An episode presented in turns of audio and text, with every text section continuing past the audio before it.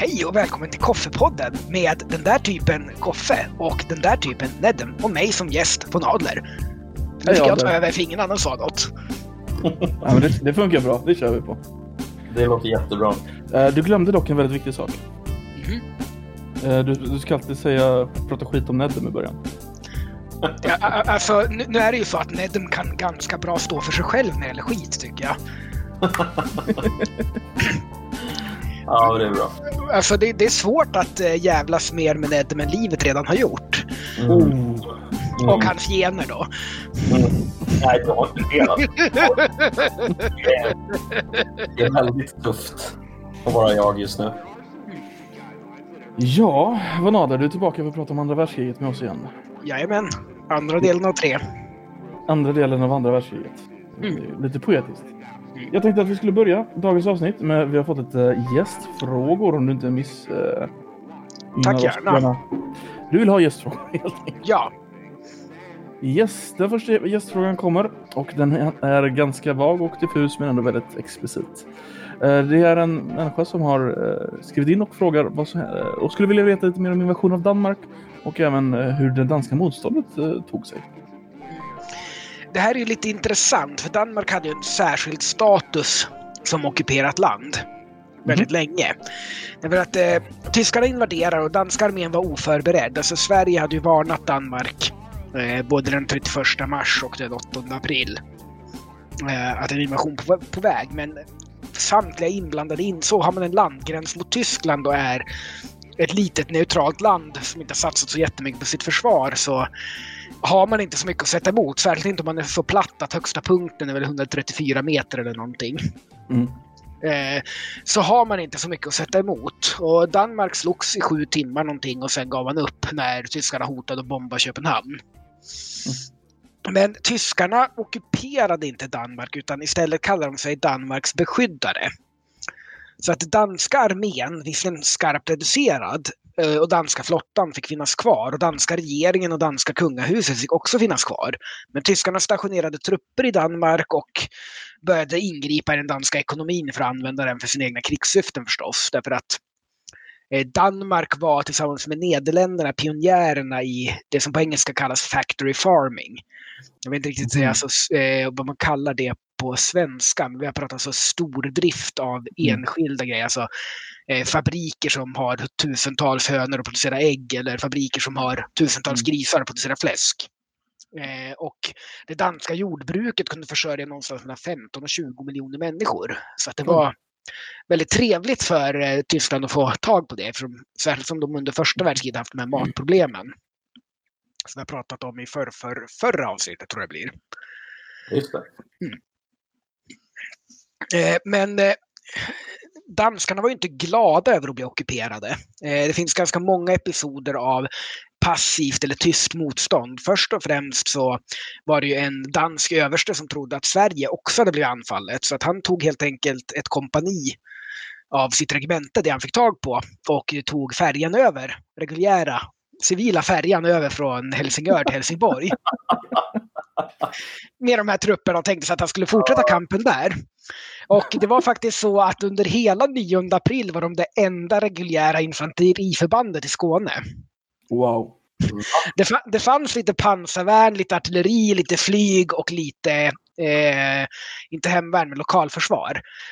Men innan den tionde var de det enda reguljära infanteriförbandet i Skåne. Fan vad sjukt. Ja. Vi var betydligen, alltså bevisligen inte bättre än Danmark och Norge på att försvara oss. Jo, alltså vi hade ju 100 000 man i uniform och redo för strid. Fast de låg ju uppe i Norrbotten vid den finska gränsen. Ja. Mm. Så att, eh, ja, lite bättre men på fel ställe. Om tyskarna hade anfallit Norrbotten hade de fått en jävla strid. Ja. Eh, i alla fall så de här fick ju löfte om att få återvända hem och demobilisera, så det gjorde de ju då. Men vapnen blev kvar i Sverige. Det mesta av det. Mm. Eh, och det flydde ju ganska mycket danskar över till Sverige som hade gjort motstånd eller blev, skulle bli arresterade av tyskar eller sådär. Så att, eh, och det är först i augusti 1943 som eh, det civila danska motståndet blir så skarpt att tyskarna blir så trötta att eh, danskarna strejkar och håller på. Att de upplöser den danska regeringen och eh, danska armén och danska flottan. Så danska flottan den försöker fly till Sverige men eh, blir ju genskjutna av tyskarna så då väljer de att självsänka sig så att tyskarna inte ska få fartygen. Mm. Mm. Tyskarna har dock redan beslagtagit några av de bästa fartygen innan. Eh, och eh, danska armén, alltså danska gardet, gör motstånd ett par timmar i alla fall i sina baracker i Köpenhamn. Särskilt husargardet. Eh, men sen är det slut med dans och då börjar det bilda en skarp dansk motståndsrörelse och eh, den förses ibland med finska k-pistar genom Sverige. Mm. Eh, alltså eh, danska bulvanföretag då, finansierade av danska exilregeringen beställer k-pistar till Finland ja, från Sverige då. Som istället levereras till danska motståndsrörelsen och det är ett antal tusen av dem. Mm. Mm. Och Sverige ställer ju upp en dansk polisbrigad då. Eh, som är i själva verket reguljärt infanteri. De har till och med ett tungt pansarkompani och en, en eh, bombflygstyrka. Eh, så det är inte direkt poliser det handlar om, men det kallas ju poliser för annars är det ett brott mot neutraliteten. Mm. Och under då 43 till 45 gör danska motståndsrörelsen sitt bästa för att göra motstånd mot tyskarna och rapportera fartygsrörelser och så vidare. Men vad gjorde de här eh, männen som Sverige ställde upp med, sa du? Eh, vi ställde upp fem, ungefär 5 000 danskar från flyktingarna då. Utbildade mm. dem militärt, försåg dem med vapen. Eh, när tyskarna kapitulerade så gick de in i Danmark och eh, styrde upp. Okay. Ersatte den polis som då hade kollaborerat och eh, tog hand om kollaborationister och eh, danska nazistpartiets väpnade gren och så där. Såg till att de inte kunde ta gisslan eller något sånt. Okay, så de som flydde från Danmark tränade vi upp och hjälpte till då? Helt ja. Okej, okay. okay, mm. Är det inte så också att många av de som var med i den här motståndsrörelsen, alltså den danska motståndsrörelsen, mm. sen kom att bli eh, delar av eh, Stay Behind-rörelsen i Danmark? Jag känner inte till så mycket om Stay Behind-rörelsen i Danmark, så jag kan inte svara på det faktiskt. Jag kan säga så här, det finns en jätteintressant dokumentär på Urplay som heter någonting i stil med Min farfar motståndsman. Mm. Som är jätteintressant. Handlar om en, eh, en ung kvinna som försöker få sin farfar helt enkelt, att, eller om det är morfar, att berätta om sin tid som motståndsman i just danska motståndsrörelsen. Och hur, vad, det, vad som hände sen efteråt. Kan rekommendera den. Det låter väldigt intressant. Eh, mm. Det danska flygvapnet hade ju faktiskt, ja de hade ju en del flygplan. Eh, och de hade dubbeldäckade Fokker D5-or. Och de här har en kontakt till eh, tyskarna och Sovjet och Sverige faktiskt. Därför att 1944 beslöt sig tyskarna för att ställa upp ett eh, frivilligt, då, inom väldigt skarpa citationstecken, estniskt flygförband. Mm. Så de eh, jagade upp då eh, piloter från det förkrigstida estniska flygvapnet som fanns i Estland och lite andra. Och eh, försåg dem då med dessa danska Fokker C5 från 1927 och förväntade sig att de skulle flyga då bombuppdrag mot sovjeterna 1944 med de här. Eh, och esterna tyckte ju plan var trevligt och flög nästan mannagrant till Sverige. det kan man ju förstå. Ja. Mm. Men det är ett sidospår med vad som hände med dansk militär utrustning. Den danska armén var faktiskt ganska modernt utrustad, förutom att man inte hade stridsvagnar. De hade svenska pansarbilar, svenska pansarvärnskanoner, franskt artilleri eh, och sina egna Madsenkulsprutor. De hade även ganska intressant kombination. De hade 20 mm automatkanoner monterade på motorcyklar. Så att de eh, körde fram motorcykeln i hög fart och så la de den ner och så pangade de på med kanonen och så skulle de kunna köra därifrån lika fort, var tanken. Mm. Mm. Så hit and run, eller drive-by shooting kanske, fast militärt. um, ja, eh, när man tänker på norska motståndsrörelsen. Då är deras största aktion eh, med, inom viss... Uh, ja. det man, den de flesta tänker på i alla fall, i alla fall jag, är den här aktionen mot Telemark med en uh, norsk hydrolys, uh, elektrolysanläggning där för tungvatten. Ja. Mm. Vilket var en väldigt cool aktion att de, de stoppade Tyskland för att få atomvapnet. Finns det någon liknande, finns det någon sån här stor aktion som det danska motståndet gjorde som, som liksom ligger kvar i folkminnet i Danmark i alla fall? Det vågar jag inte svära på. Eh, mm. du kan ju alltså organisationen av evakueringen av de danska judarna ska man mm. kunna ta som ett exempel. Där man, det läcks då från tyskarna en tysk officer eller om det är en högt uppsatt tjänsteman i den tyska ockupationsregeringen som läcker till motståndsrörelsen att de tänker göra det här. Så att motståndsrörelsen organiserar ju på bara ett par dagar evakueringen av 5000 personer över till Sverige. Hemligt, olagligt, med fiskebåtar över Öresund. Då.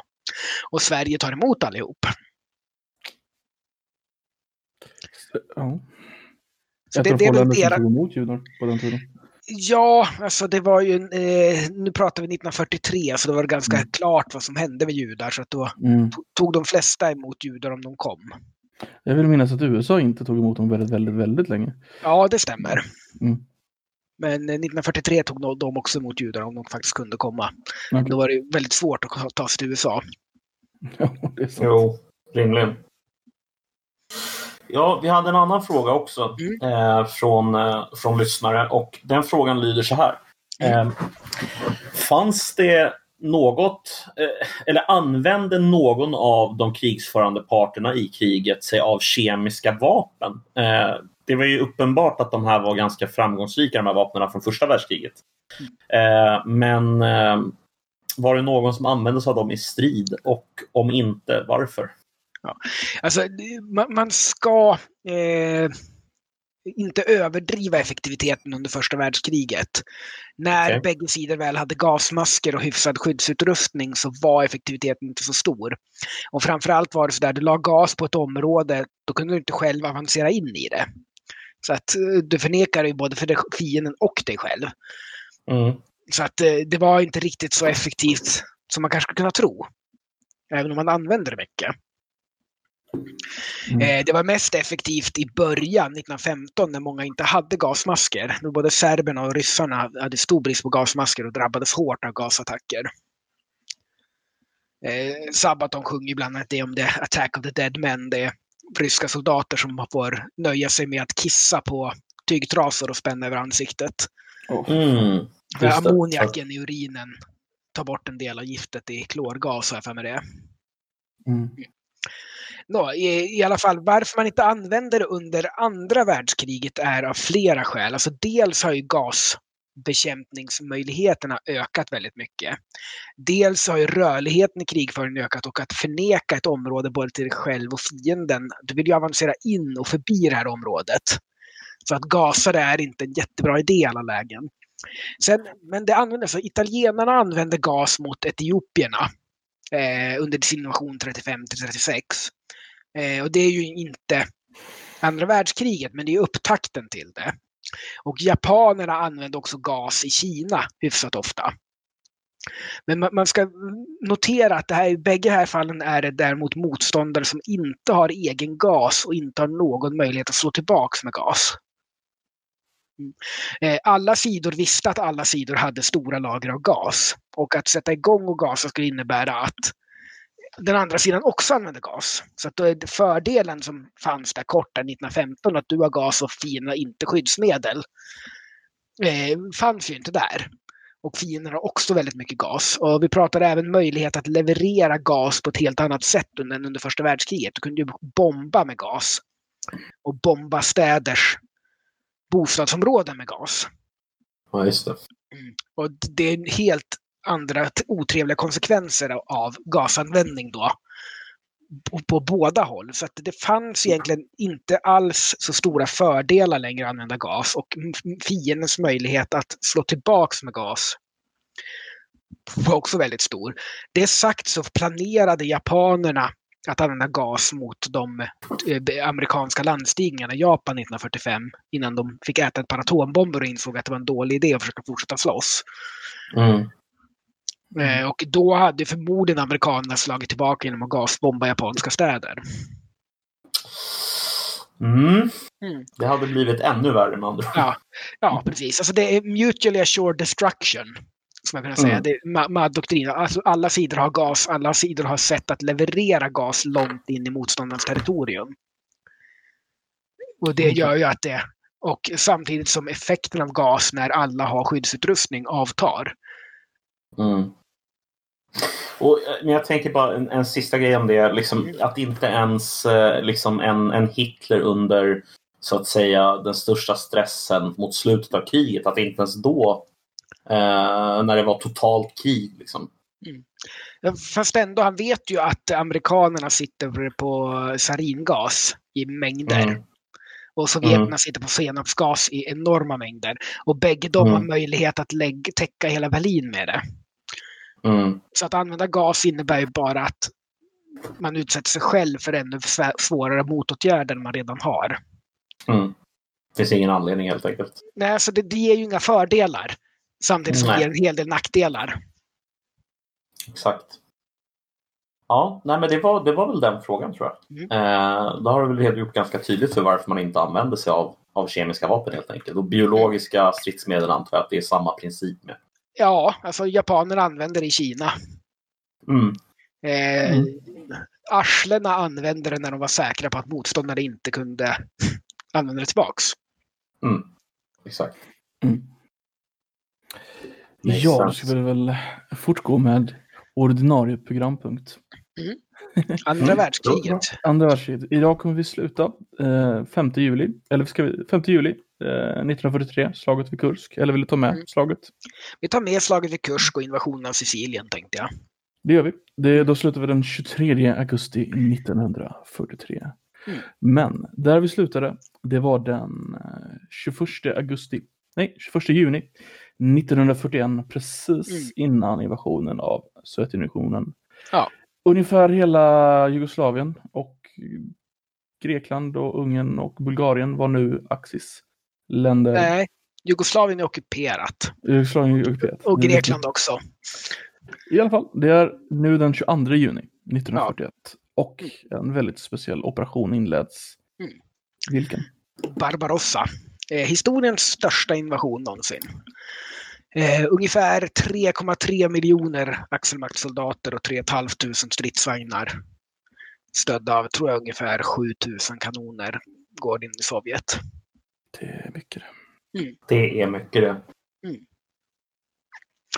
Men man ska ändå notera att tyskarna själva noterar att eh, trupptätheten var fortfarande mycket mindre än den hade varit på västfronten under första världskriget. Framförallt eh, tillgången på artillerirör per kilo- frontkilometer var mycket lägre. På båda sidor. Är det för att fronten är så mycket längre eller? Ja, precis. Extremt mycket längre och det är, eh, alltså Sovjet har bara ungefär 2,5 miljon man vid frontlinjen. De förväntar sig inte ett anfall. Så Stalin har ju fått många varningar från Sverige, från spioner, från bara grejen att alla fältförband rapporterar att det är miljoner tyskar på andra sidan gränsen. Men har ju tagit allting som västmakts försök att splittra upp den sovjetisk-tyska alliansen och eh, eh desperatiska brittiska försök att inte behöva stå ensamma. Eh, och är övertygad om att Hitler kommer, inte, Hitler kommer invadera Sovjet, eller han invadera Tyskland, men inte in, Hitler kommer inte ge sig på Sovjet innan han tagit hand om britterna. Eh, och det håller han fast vid till den grad att han tycker, i sin paranoia tycker att alla varningar är desinformation. Och enligt ryktet så eh, blir han så chockad att han låser in sig i två dagar. Oj. Eh, och är helt otillgänglig. Och tyska, sovjetiska överkommandot som är ganska låst av utrensningarna förnekar till och med frontförband rätten att öppna eld och besvara elden för att inte provocera tyskarna. Oj. Mm. Men blir de inte bara ned med det då? Jo, precis så. Okej. Mm. Ja. Eh, man ska säga att under de första sex månaderna Barbarossa så förintas hela Röda armén. Förintas hela Röda Ja, alltså hela Röda armén försvinner. De förlorar eh, 4 miljoner man tror jag. Och eh, vad är det, 60 000 stridsvagnar eller något sånt där. Vänta, vänta, vänta. vänta. När, när, när? Första halvåret. Alltså fram till vintern 41. Det är ju helt otroligt. Ja. Är, och här ligger ju, eh, jag ska ta lite grann, alltså varför trodde Tyskland att de kunde vinna det här och så vidare. Alltså, Tyskland visste att deras armé var riktigt, riktigt, riktigt bra. Alltså, de hade ju Mm. slagit Frankrike som var världens bästa, alla trodde var världens bästa armé och de har slagit dem relativt lätt och med små förluster. Alltså här, den tyska armén är ett riktigt, riktigt skarpt verk. De är experter taktiskt. Auftragstaktik, deras erfarenhet, deras beväpning, deras organisation, allting är top notch för tiden. Sen är deras logistik och strategiska tänkande inte top notch. Men rent taktiskt så liksom ett tyskt pansarregemente eller en tysk pansardivision slår en hel mekaniserad kår, eller två, tre mekaniserade kårer. Och eh, Röda armén har under den här perioden en del extrema problem som stammar i... Dels har vi ju då, och det var vi inne lite grann på i förra avsnittet med vinterkriget, hur dålig Röda armén var. Mm. Eh, där utrensningarna kanske... Det var ju väldigt, väldigt, väldigt få under nivån överste som drabbades av utrensningarna. Men den skapade, utrensningarna skapar en kultur av att man gör inte saker utan order. För då riskerar man väldigt mycket. Mm. Mm. Har man en order då kan man alltid säga jag lydde order. Det gick dåligt men jag lydde order. Och det är okej. Eh, men gör du saker utan att ha lytt order, utan att ha order och det har gått dåligt, ja då kan det vara du som blir skjuten härnäst. Och det gör ju att Röda armén sitter ner och väntar på order. Den är helt fri från initiativ från menig upp till general. Och man ska också komma ihåg att historiens största pansarslag är faktiskt inte Kursk. Mhm. Utan det är Brody i juli 42. Var är det någonstans ungefär? Eh, vänta, jag ska dubbelkolla. Det är i... Eh, är det i östra Polen, tror jag. Okej. Då är det ändå ganska långt fram. eh. Eh, ja, precis. Och Mm. det är ju eh, då armégrupp mitt här för mig. Jag ska dubbelkolla. Ja, eh, och första pansargruppen då som går in. Och Stavka sätter in sex mekaniserade kårer med totalt 3500 stridsvagnar i ett motanfall. Hur Eh. många sa du? 3500 stridsvagnar. Mot hur många? Eh, tyskarna har ungefär 750. Oj. Oj. Eh, och eh, hela den sovjetiska styrkan utraderas. För att eh, det visar sig då svagheter. Ryssarna har enorm brist på lastbilar. Eh, deras motoriserade infanteri som ska följa med stridsvagnar har inga lastbilar. För de får marschera till fots. De separeras i de här striderna, så stridsvagnar får slåss ensamma. Eh, de har inga tankbilar och inte lastbilar nog att underhålla de här stridsvagnarna. Så massor av stridsvagnar blir stående, brist på bensin eller mekaniska fel. Och så där, för de har inte tillräckligt med fältverkstäder, de har inte tillräckligt med tankbilar, de har inte tillräckligt med lastbilar för att bära reservdelar och så vidare. Eh, så att 90 procent av de sovjetiska stridsvagnarna som förloras blir stående längs vägen för att brist på bensin eller ett lätt mekaniskt fel som de inte kan göra någonting åt, så kommer ju tyskarna. Mm.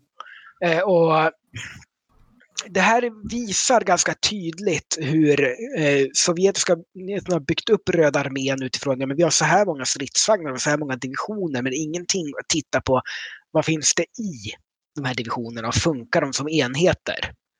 Och det är ganska indikativt på den tidiga Röda armén under eh, det stora patriotiska kriget som de kallar att den är skitdålig. Och de har inga radioapparater i stridsvagnarna heller. Eh, Sovjeterna är tvungna för att kommunicera. De har plutonsbefälet som är en av sex eller en av fem vagnar har radio. Men oftast bara mottagare, inte sändare.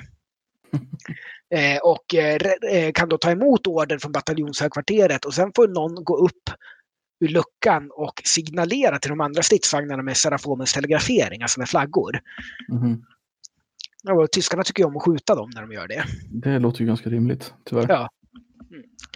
Så att de gör ju inte det och då kommunicerar de ju inte med varandra. Så att, att en stridsvagn ser en annan, tysk stridsvagn betyder inte att de andra fem gör det. Och kan Ja. de inte kommunicera så, ja, Ja, då blir det ganska svårt. ja precis. Så att det, Mm. det, så de förlorar... Ah, nej, det, kanske, det kanske är fel tid att fråga den frågan, men jag blev så för- förundrad. Du sa att första halvåret så i princip hela ryska armén, Sovjet, röda armén decimeras, Ja, försvinner helt. försvinner. Ja. Hur, hur långt in kommer tyskarna på första halvåret då liksom? Alltså Får de de kommer nästan pusha? så långt de kan. Problemet Mm. är ju att eh, bara för att du förintar hela Röda armén betyder inte att Röda armén inte fortsätter träna nya trupper och slänga in dem. Mhm. Så att Röda armén minskar i storlek men de lyckas nästan håll, uppehålla en takt att mobilisera och träna trupper i samma takt som de förlorar dem. Så det var lite av en köttkvarn där framme då? Ja, precis. En enorm jävla köttkvarn. Eh, och det är Wow. miljoner män som dör och tas till fånga, men miljoner Mm. män som ställs upp och förses med gevär och ut i fronten. Och härifrån, för att här finns det eh, sovjeterna börjar också evakuera sin industri som tyskarna hotar att köra över. Eh, så de monterar ner fabrikerna och maskinerna och skickar dem österut för att inte förlora dem. Mm. Eh, och det finns en väldigt utbredd myt om Röda armén sådär från väldigt ofta upprepad från eh, filmen Enemy at the Gates. När den får två man får ett gevär. Mm. Eh, och liksom dör han så tar de geväret och skjuter. Eh, och det är ju en myt. Det är bara under första världskriget som ryssarna skickar in obeväpnade trupper i strid. Men det är under höst, senhösten, framförallt 1941, ett ganska skarpt dropp både i utbildningskvalitet och utbildningstid. Och också beväpning av de sovjetiska trupperna. Därför att så mycket Dels har de förlorat så enorma mängder utrustning så det tar tid att producera ny. Sen har ju mycket av industrin är på vägen österut för att byggas upp igen bortom Ural. Men hur, hur, hur kraftig nedutrustning var det då? Alltså, vad, vad kunde man förvänta sig i början och vad fick man förvänta sig här? Ja, alltså, till exempel i början av kriget består en sovjetisk division av tre infanteriregementen, en pansarbataljon och två artilleriregementen. Plus diverse stödenheter och så vidare. Och eh, de här var ganska tungt utrustade med granatkastare och kulsprutor och både tungt, medeltungt och lätt artilleri. Och eh, en division består i praktiken av två regementen infanteri med mycket lättare beväpning eh, och ett lätt artilleriregemente och inget pansar. Och inga ingenjörstrupper och färre pansarvärnskanoner och sådär i slutet av 1941. Okej. Och det är ju dels eh, när tyskarna kommer fram där Sovjeterna räddas ju delvis av de enorma avstånden för tyskarna är skitdåliga på logistik. Det här med att eh, nu har vi korsat 1200 kilometer terräng och så måste vi få fram varenda skott och mat och kläder och sådär till trupperna där längst fram. Över territorium vi har slagits över och inte funkar och det ryska järnvägsnätet har en annan spårbredd än det europeiska så då kan man inte köra tyska tåg in på det ryska järnvägsnätet och spåra dem ur. Så de måste bygga om det. Och för tysk, ryssarna har ju inte lämnat tåg och sådär. De kör ju brända jordens taktik och försöker få Mm. bort allting som kan vara till nytta för tyskarna. Men Hur kommer det sig att de är så dåliga på logistik förutom tåg? eh, Alltså de är ju dåliga. Eh, ja, alltså, de har inte planerat för långt krig alls. okej. Eh, och det ska man säga, alltså, man kan förstå det logiska tänkandet. För under första världskriget så var det så att auktoritära stater kollapsade när deras armé kollapsade. Och armén kollapsade när arméns prestige kollapsade. När den, när den har förlorat för mycket. Och det är uppenbart att den inte kommer kunna vinna kriget särskilt lätt. Eh, då börjar prestigen kollapsa och då kollapsar arméns disciplin och förmåga att ställa upp nya trupper och så vidare. Mm. Med den logiken, för bara, ursäkta jag bara avbryter det lite snabbt. Eh, Med den logiken innebär det att tyskarna trodde att Sovjet skulle, armé skulle kollapsa då här eh, första halvåret. Ja. Precis så. Alltså tyskarna skämtade att vi behöver bara sparka in dörren så kommer hela ruttna bygget att rasa samman. Eh, och de visste, hade ju sett då i Finland och även i, kanske lite grann i Spanien att den Röda armén var jävligt dålig och visste ju hur bra deras armé var. Mm. Eh, och sen hade de inte alls, för att eh, de visste ju inte att Sovjet hade 30 000 stridsvagnar. De trodde att de hade 6 000 kanske. Och, sådär. Så att de underskattade grovt hur mycket utrustning Röda armén hade. Och de underskattade extremt grovt hur pass välorganiserat det sovjetiska samhället var och deras förmåga att ställa upp nya divisioner varje gång de förlorade en. Mm. Eh, och eh, Halder då som var stabschef i eh, OKH eller OKV, ja. Eh, han var högt uppsatt. Eh, han var, om man var chef, befäl, ja, högt uppsatt i alla fall och skrev i sin dagbok att vi har identifierat att vi har slagit ut 120 sovjetiska divisioner. Vi har också identifierat att de har minst 100 divisioner vid fronten. Och då räknade de med att de skulle stöta på kanske 80 till 100 divisioner i början. Okay. Eh, så de har redan slagit ut hela Röda armén, men det finns en ny Röd armé att slåss mot dem. Hur, hur, hur kommer det sig att de har den här kämpaviljan i Sovjet? Alltså, det är ju delvis eh, eh, Eh, det är ju delvis har ju Sovjet gjort en väldigt skarp industrialisering så dess förmåga att förse trupperna med vapen är ju mycket, mycket, mycket större nu än, äh, än under första världskriget.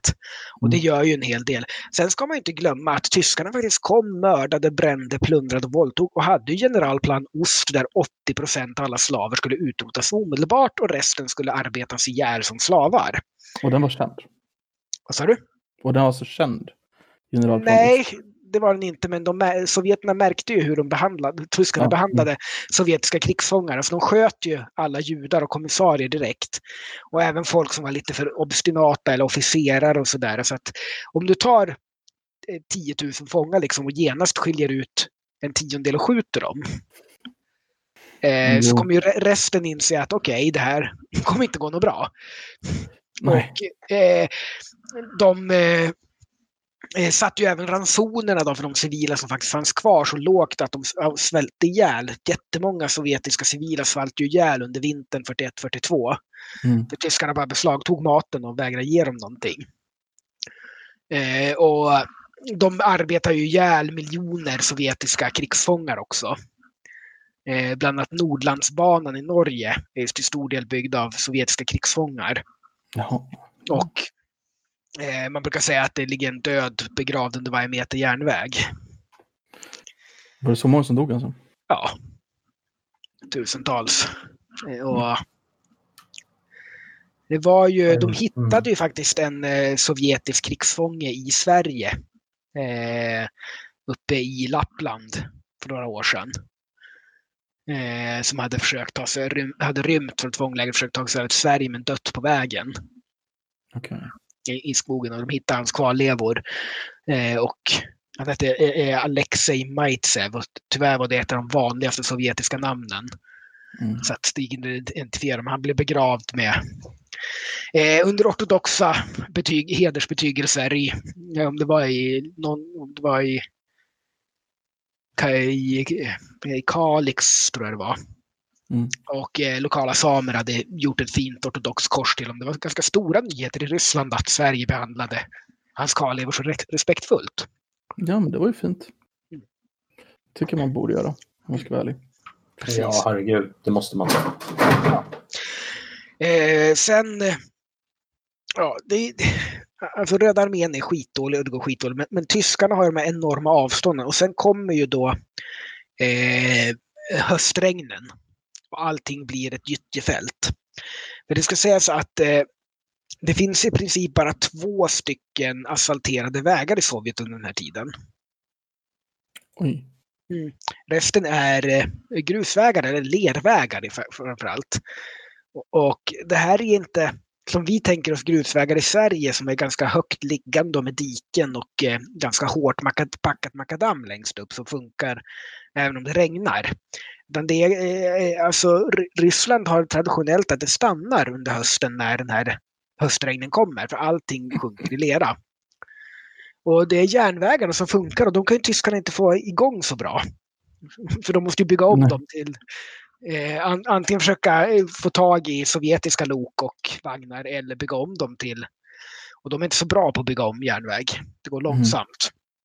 Så de tyska trupperna kör fram, fast i leran och i brist på underhåll. Eh, så hösten då, senhösten 41 får ju Röda armén en andningspaus. När de, och kan börja bygga upp den här industrin på andra sidan Ural. De kan börja eh, liksom organisera nya trupper och så vidare. Eh, och sen kommer ju frosten då. Och då sätter ju tyskarna igång sin offensiv igen mot Moskva. Det som kallas Operation Tyfon. För nu kan de röra på sig igen. Eh, och det är nära att de tar Moskva innan Sovjet sätter in sina reserver då från Kazan. Och de här trupperna beskrivs ofta som sibiriska trupper, men det var de inte. De, ja, de var förlagda i det som är västra Sibirien, men det är Kazan, liksom vid Kaspiska havet. Okay. Där den, Sovjeterna hade sina centrala träningsläger för nya trupper. Och hur, nära, hur nära Moskva var de? Alltså eh, nazisterna? Eh, de såg ju Kreml på horisonten. De såg Kreml, men de var inne i förorterna då kan man säga? Ja, precis. Det som idag är förorterna. Det som idag är lite, ja, det är som lite mindre av 70 kilometer tror jag som närmast. Oj. Från Kreml. Mm. Och eh, de sovjetiska styrkorna har ju legat i strid i månader i sträck och är extremt slitna. Så att eh, ofta pratar man om de här sibiriska divisionerna, men det var inte specifikt sibirier, utan de var bara tränade i västra Sibirien. Och de kom med full utrustning och fullt underhåll och bra vinterkläder och sådär. Så att i jämförelse med de väldigt, väldigt slitna övriga sovjetiska förbanden så var de väldigt bra. Mm. Och då tar det stopp på den tyska offensiven. Så sätter ju under vintern sätter Sovjet igång en stor motoffensiv på hela fronten. Tänker sig att nu ska de ta tillbaka allting. Så, så nu är liksom ja. piken för uh, Tredje rikets utbredd? Nej, det kommer eh, under sommaren 42. Okej. Okay. Mm. Eh, och eh, här gör, skulle jag vilja påstå, Stalin ett strategiskt misstag. Han försöker slå längs hela fronten och det går inte.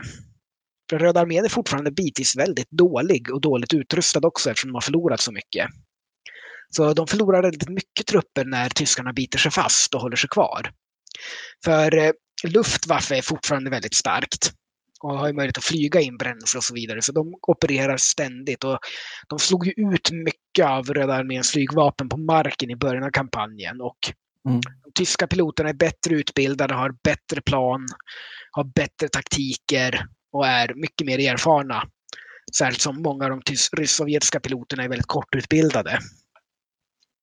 Här ska sägas att eh, standard på den här tiden, förutom i USA och Storbritannien, är att en pilot får 10 till 30 timmars ensamflygutbildning i en flygskola. Och sen skickas han till ett flygförband där hans utbildning som pilot för antingen bombplan eller jaktplan eller vad det är då fullbordas på förbandet under ledning av erfarna piloter.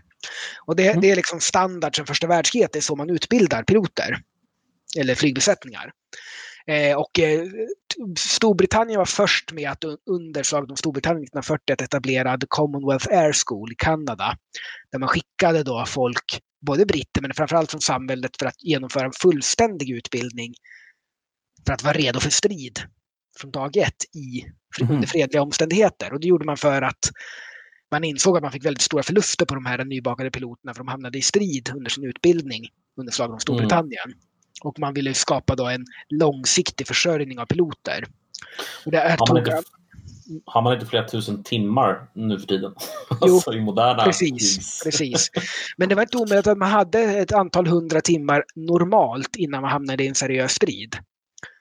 Eh, under de gamla förhållandena. Men det, det var ju liksom sådär att det blev ju så lätt, om du har ett jaktplan, du kan flyga och du har en erfaren kamrat som wingman in i strid med dig. Och så var tanken att man lärde sig på plats. Ja, det är tufft. Alltså. Mm. Och under de förhållanden när du lider väldigt, väldigt stora förluster så är det svårt att utbilda kompetenta piloter. Du slänger ju in det du har hela tiden. Precis. Och det, det drabbar ju röda flygvapnet väldigt hårt, just det här, de stora förlusterna och att de hade svårt att få fram och utbilda piloter på det viset. Och framförallt bombplanens navigatörer skulle vara superusla under hela kriget. Alltså det sovjetiska strategiska bombflyget kommer vi kunna skratta åt under sektion när vi tar avsnitt tre. Okej. Okay. Mm. Eh, vi kan nämna ett par saker bara för att det är så kul. Alltså dels så bombade de ju Strängnäs när de trodde att de var i Åbo. Oj, ja, just det. Det är en ja. liten miss. Ja. Det är en liten miss, ja. ja. Dels så när de eh, vintern 43-44 bombade Helsingfors varenda natt så eh, mörklade ju finnarna Helsingfors och så tände de eldar på isen. De mm. byggde snöhyddor runt där, så de bombade ju isen utanför Helsingfors varje natt.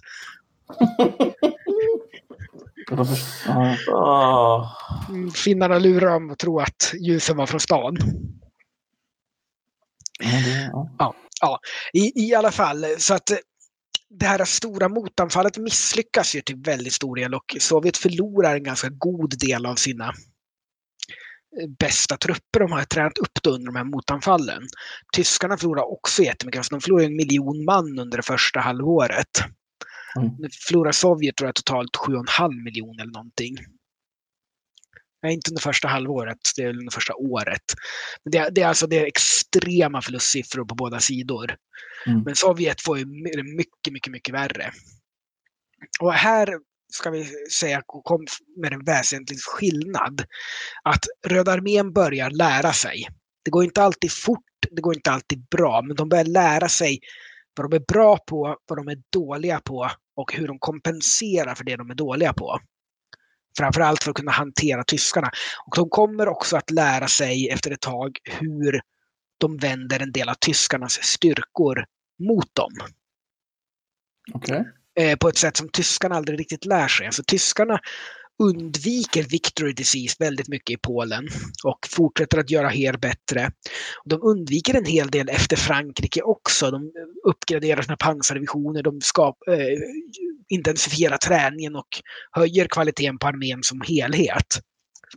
Men efter det så lär de sig inte så mycket mer. Mm. Eh, och det blir mer av det här klassiska det går inte bra, okej, då behöver vi bara mer hårdare och intensivare av det vi alltid har gjort. Så mm. alltid ett framgångsrecept om man ska tro vissa typer av människor. Mm. Hårdare slag, mer batonger, mer av samma sak som inte har funkat. Så blir allt bra. Och det, det är en klassisk grej i krigshistorien att vi möter ett nytt koncept och får storstryk. Bör vi då fundera på hur vi möter det här eller behöver vi ha mer av det vi redan har gjort och göra det hårdare och bättre för vi har bara varit veka och dåliga. Mm. Så brukar det alltid bli svar två. Mm. Och så blir det ännu värre. Nåja. Vad är det som ändras inom den tyska hierarkin som gör att de inte vill lära sig längre? Det är svårt att säga. Alltså dels blir nazismen och Hitler mer och mer involverade i det direkta kontrollerandet av kriget och krigföringen. Eh, och här ska sägas att Hitler hade faktiskt en hyfsad förståelse för vad Tyskland behövde. För mm. när de sätter igång sin sommaroffensiv 42, då vill överkommandot gå på Moskva. Och på mm. Moskva där ligger de bästa och mesta av den sovjetiska armén redo för att det vad de tror att tyskarna kommer göra också. För det är klassisk västerländsk krigföring, gå mot huvudstaden, eh, så måste fienden försvara den. Och så kan man vinna på det viset genom att slå ut huvuddelen av armé och ta deras huvudstad. Men Hitler vet att Tyskland har ett extrem brist på olja och i längden inte kan vinna utan att få tag på olja. Så man går ju mot oljefälten i Kaukasus istället. Mm. Och eh, jag skulle vilja påstå att rent strategiskt är det rätt beslut i det här fallet. Sen gick det ju inte alls och det borde han kanske ha insett. Men... När började Tyskland få slut på olja? Alltså, när, de har ju byggt upp ett lager för ett års krigföring precis innan Barbarossa. Mm. Eh, och de får leveranser från Rumänien och de skapar ju även egen syntetisk olja ur kol. Och de får ju även leveranser från Sovjet. Det är till och med så att de håller upp attacken i tio minuter för att ett tanktåg ska få köra över gränsen med olja. Skickar Sovjet olja till dem? Ja.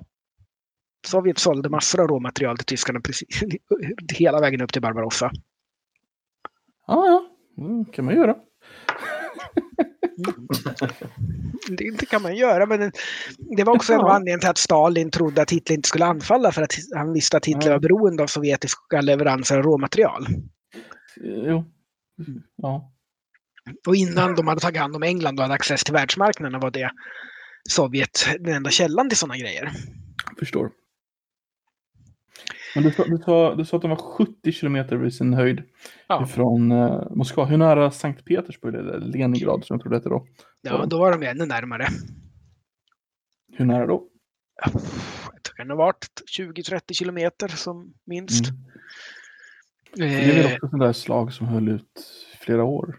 Ja, precis. Det är ju, tyskarna anföll alltså de anföll ju Leningrad men misslyckades att ta det. Och finnarna var ju allt annat än intresserade att gå in i Leningrad norrifrån. Mm. De eh, höll sig på avstånd för de Alltså dels eh, visste man att finska armén är inget bra på stadsstrider. Det är inte deras forte. Och särskilt inte ett anfallsstadsstrid. Det skulle kosta tiotusentals döda och så mycket hade inte Finland att offra. Mm. Eh, och dels så, enligt ett ganska skarpt rykte, så diplomatiska kontakter mellan eh, Finland och Storbritannien och USA indikerade att eh, bryt inte Murmansk järnvägen och ta inte Leningrad för att då kommer Finland behandlas mycket sämre i en eventuell fred. Jaha. Mm. Mm. Så att eh, eh, därmed ska Mannerheim ha hållit tillbaka lite grann och sagt att kan tyskarna vinna det här och slå ut Sovjet, ja, men då kan vi ta det, för då spelar det ingen roll. Men om de inte gör det, då måste vi fundera på efterkrigstiden också. Och det är svårt att säga hur sant det är, någon sån dokumentation finns ju inte kvar, men det är ett mm. intressant koncept att diskutera. Och det kan ha påverkat. Stämmer det att Mannerheim pratade svenska? Ja, ja han, det var hans modersmål. Ja, det var det jag menade. Ja, han pratade ska säga, svenska, eh, ryska, franska, mm. tyska och finska i den ordningen ungefär. Han var ganska dålig på finska. det är lite roligt för ett nationalhelgon. Ja, jo precis. Men Finland har ju väldigt speciell historia också. Ja. Eh, det är väl där den enda inspelningen på Hitlers normala röst är när han mm, precis. precis, de pratar ju mm. tyska då. Mm. Eh, och det är finska underrättelsetjänsten som spelar in samtalet fram tills att tyskarna, eh, tyska säkerhetsdetaljen upptäcker att de gör det. Ja, det, det, det är kul. Det släpptes ju bara några år sedan. Det Ja, nej, det har funnits släppt ganska länge, men det kom ut på YouTube för några år sedan. Ja, så var det. Mm. det har, har, du velat lyssna på det och kunna gå till finska radions arkiv om du ville. Sen eh, 80-talet eller någonting tror jag. Så sent? Alltså det är ändå ganska sent alltså. Ja. 80-talet, att det kom ut först då. Ja, men jag tror det var 50 år eller 40 års sekretess eller något sånt där. Jag kommer inte ihåg detaljerna men det har varit känt ett tag i alla fall men inte populärvetenskapligt. Nej. Mm. Mm. Yes. Mm. I alla fall, så, så då har vi ju eh, vintern 1941 och nu ska vi också återvända till Stilla havet. Mm. Eh, för nu är ju Japans tur att göra något, ja, göra något väldigt, väldigt, väldigt, väldigt, väldigt dumt. Mm. Och de anfaller ju Pearl Harbor. Jag måste bara fråga på en, på en gång, varför gör man detta? Mm. Eh, idén, Japans idé med det här, precis, okej, okay, vi eh, glömde att avsluta det med Sovjet. Alltså, tyskarna hade ju besegrat ryska armén under första världskriget och då kollapsade det ryska samhället och de vann det kriget.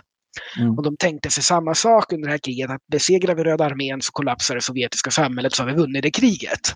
Mm. mm. Eh, skillnaden var att sovjetiska armén ställde upp sig själv typ fyra gånger under kriget. Mm. Struntade i att kollapsa. Ja. Men i alla fall, eh, och Japan, nu måste vi inse att Japan har en väldigt, väldigt, väldigt speciell kultur under den här tiden. För under 20-talet så hade de det som kallades lönnmordspolitiken. När eh, yngre officerare i armén helt enkelt mördar ministrar och politiker som de tycker är för flata och inte nationalistiska nog. Och de får i princip inga straff för det. Det kan vara så här en månads husarrest. Va? Ja. Okay. Eh, i, i, praktiken därför att ingen vågar döma dem heller för då blir de också mördade. Alltså. ja. Mm. Så att det, den civila regeringen, den japanska armén blir extremt nationalistisk. Eh, mm. och, eh, och slutar ju lyda det civila samhället. De börjar istället mörda det civila samhället när de tycker att de inte får tillräckligt mycket resurser eller inte tillräckligt mycket politiskt inflytande och så vidare. Eh, så att det är fram till då eh, typ 1925 till 31 där de mördar politiker tills då militären tar över regeringen helt och hållet. Och eh, tar över manchuriet och börjar provocera mot och det innebär att arméerna i Kina också eh, är under den här perioden i princip självständiga. De bedriver sin egen utrikespolitik, sin egen ekonomiska politik, sin egen politik överhuvudtaget. Alltså den civila regeringen i Japan har ingen makt över dem. Får jag ställa en snabb fråga däremellan bara? Ja. Är, det här, är, det här, är, är den här typen av militära, alltså att militären gör på det här sättet, är det med kejsarens goda vilja? Nej, så kejsaren sitter och håller käften.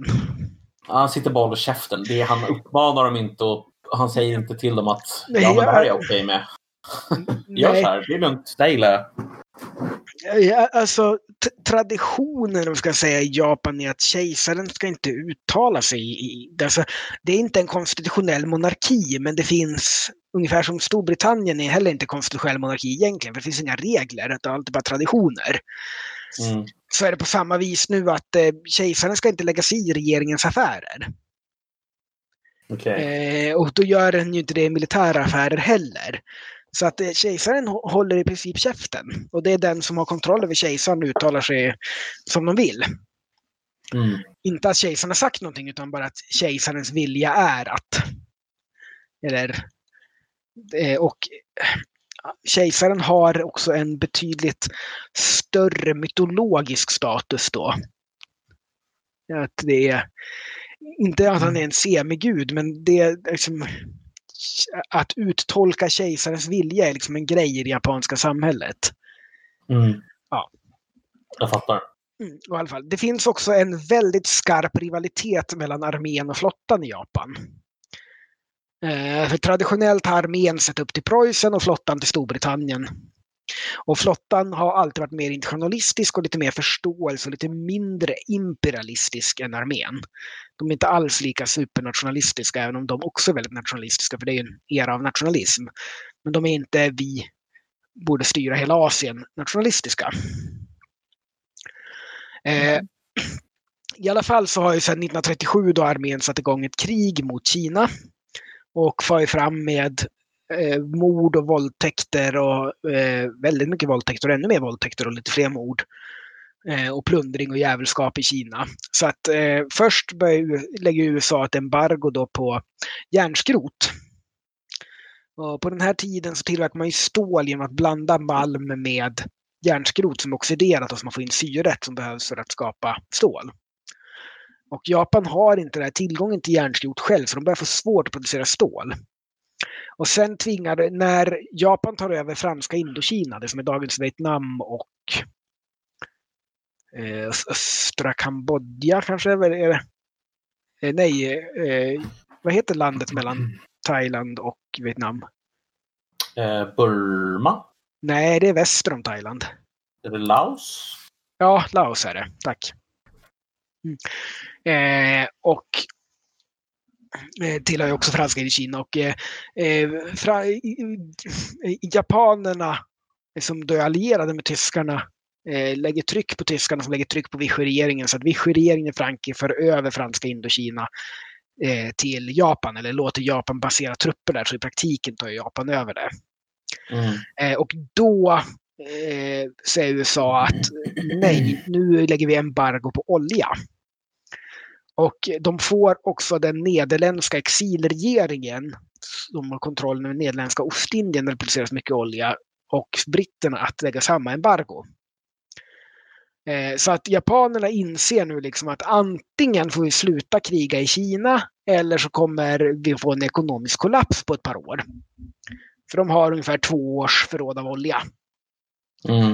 Eh, och då är ju ständigt så här, att säga att ja, vi bör nog dra ner på kriget är ju ett bra sätt att bli lönnmördad. Och det vet man ju sedan innan. Av de här supernationalistiska. Så att, mm. eh, då bör man helt enkelt förbereda för krig. Och flottan är väl egentligen motståndare så här. Och man ska säga också att Yamamoto då som är eh, hjärnan bakom attacken på Pearl Harbor och de stora framgångarna Japan har första halvåret av sitt krig mot de allierade är själv motståndare till ett krig mot västmakterna och det är därför han har skickats till flottan. Därför att, eh, att sätta honom på ett slagskepp omgiven av officerare är enda sättet att hindra honom från att bli lönnmördad av armén. Och det säger ju en del om hur den politiska situationen är. Är han i land på flottministeriet kommer han bli mördad av armén. Det är helt skadat. Alltså det är ja. så sjukt så att det går inte ens att... Ja. Mm, så han måste ha ett slagskepp runt sig för att inte bli mördad av armén. mm. ja. Ja. ja. Mm. Så det, det säger ju en del om japanska samhället under den här tiden. Alltså det är väldigt fascinerande hur annorlunda de är idag jämfört med då. Men ja. Eh, så då planerar de idag, så, och deras plan är att de ska skapa ett fait accompli. De ska ta allting de vill ha och behöver på ett halvår. Och sen etablera det och chocka västmakterna så mycket så att de accepterar det och sluter fred. Okej. Okay. Och det kanske alltså, inte... Uh, va? Det låter ju helt... Alltså, trodde de på riktigt det? Ja, det fanns ju inget annat att tro på. Det var ju det eller sluta kriga. Men det är och... ju vansinnigt. Ja, det är det. Det är fullständigt det är vansinnigt. Full, det är fullständigt vansinnigt ju. Mm. Och eh, man ansåg då att eftersom amerikanerna hade Filippinerna och det låg, eh, vad man ville ha var ju resurserna då, gummit i brittiska Malacca och oljan i och eh, plat, platinat och lite annat i eh, Nederländska Ostindien.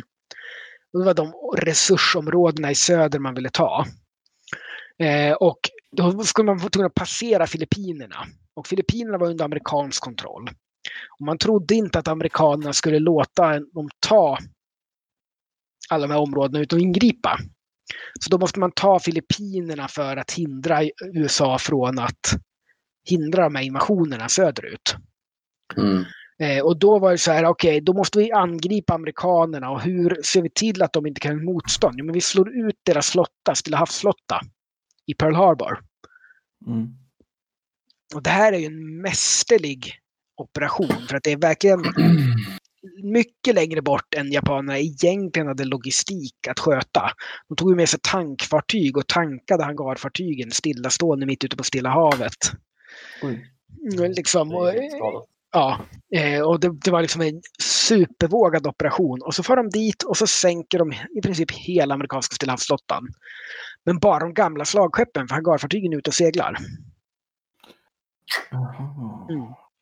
Och sen kör de sina attacker och vinner ju väldigt stort för att alltså, de västallierade är ju inte förberedda för fem öre. Och Dugout Doug, alltså Douglas MacArthur i Filippinerna är ju Alltså det måste vara en av de mest överskattade militärbefälhavarna i modern tid.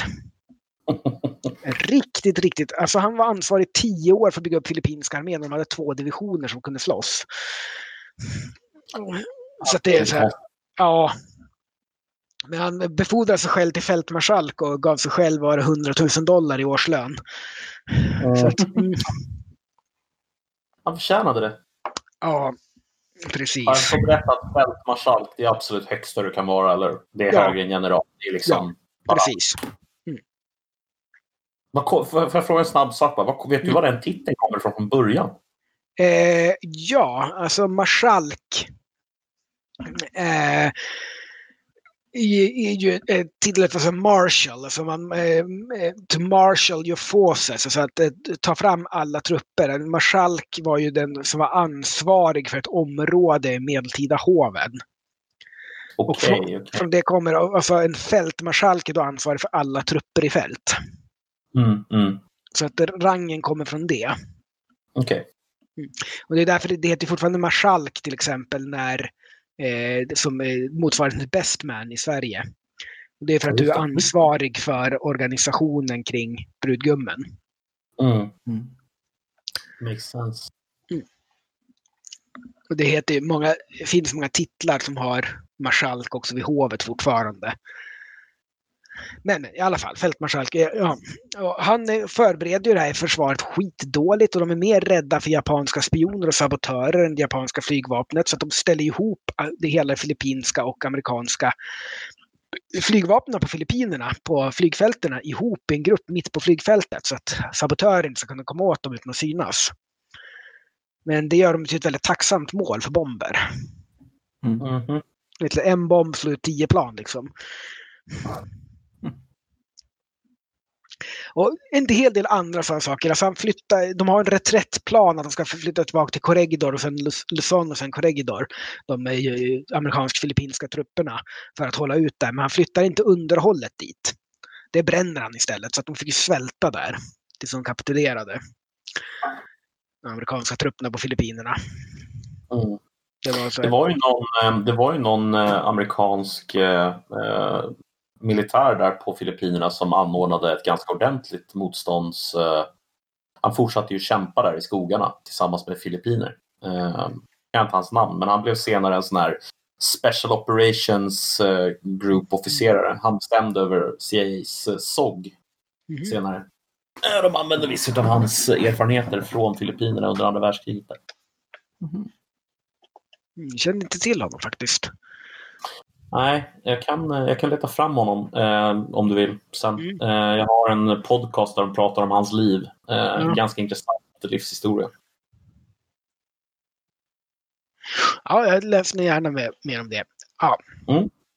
I alla fall så eh, det går ju väldigt dåligt och alltså, exil, nederländska kolonialtrupperna har ju dålig kontroll över landet överlag och japanerna sveper dem åt sidan. Och det, eh, britterna skickar mm. fel slags förstärkningar för sent till Singapore som aldrig blir tillfångatagna där och sen blir de utkastade ur Burma. Eh, också då. Så det, det går dåligt överlag. Men och japanerna erövrar väldigt mycket det här och så sen tycker de att de har fått allting och så sen, ja men nu ska vi sluta fred, men det är ingen som vill helt plötsligt. Nej. Föga överraskande kanske. Eh, som Yamato, Yamamoto själv sa att eh, jag tror vi har väckt en jätte och fyllt honom med väldigt mycket vrede. Mm. Det, det låter rimligt. Mm. Eh, och och det ska man ju säga att under kriget bygger Japan 17 hangarfartyg och USA bygger 120. Ja, det är, alltså, det är, det är på en helt annan nivå. Alltså, det är, mm. det är som... och, och, och, då ska man minnas också att från mitten av 44 slutar USA bygga hangarfartyg för att de behövs, behöver inte fler. De hade säkert kunnat sjösätta 30-40 till om de hade velat. Vilken insikt ändå. Nej, nu, nu klarar vi oss. Liksom. Alltså, ja, precis. Vi har liksom vunnit. Ja. Det, det vi har, vi kommer inte behöva så mycket mer. Mm. Eh, men det är... Eh, och det, det alltså säger det att 1944 så står USA ensamt för hälften av världens BNP. Mm. Och det här tänker de sig att de ska slåss mot Japan. Och det, ja. nej. Nej, nej.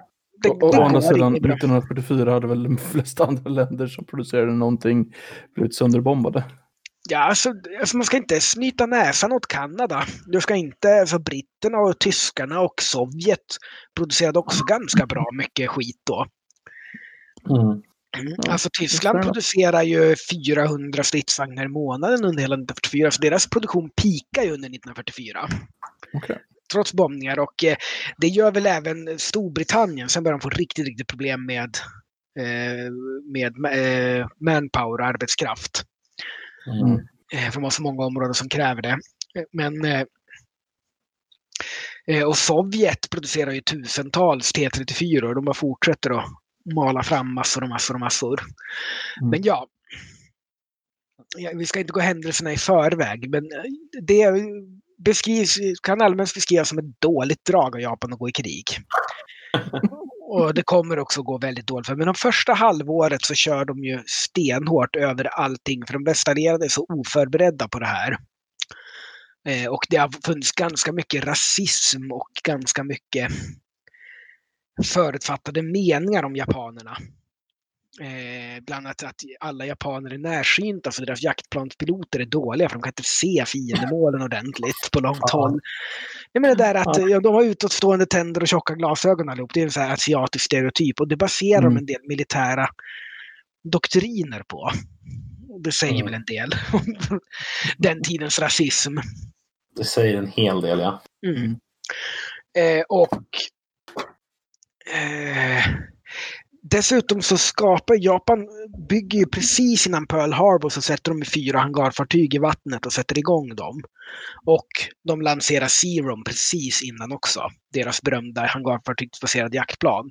Som var väldigt, väldigt bra i början. Det hade lång räckvidd, var väldigt manövrerbart, hade bra beväpning, bra motor. Väldigt lite pansar och dåliga tankar. Ingen självtätande tankar, men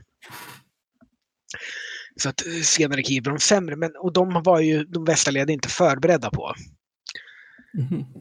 Men Sen japanerna hade väldigt välutbildade, väldigt hård och väldigt skarp utbildning av trupper och eh, flottpersonal och av eh, flygpersonal framför allt innan kriget. Många av dem hade också mycket erfarenhet från Kina. Eh, så att de hade en väldigt välutbildad och väldigt bra utbildad armé som också var beredd på att ta eh, umbäranden mycket mer än de västallierade var i början. Mm.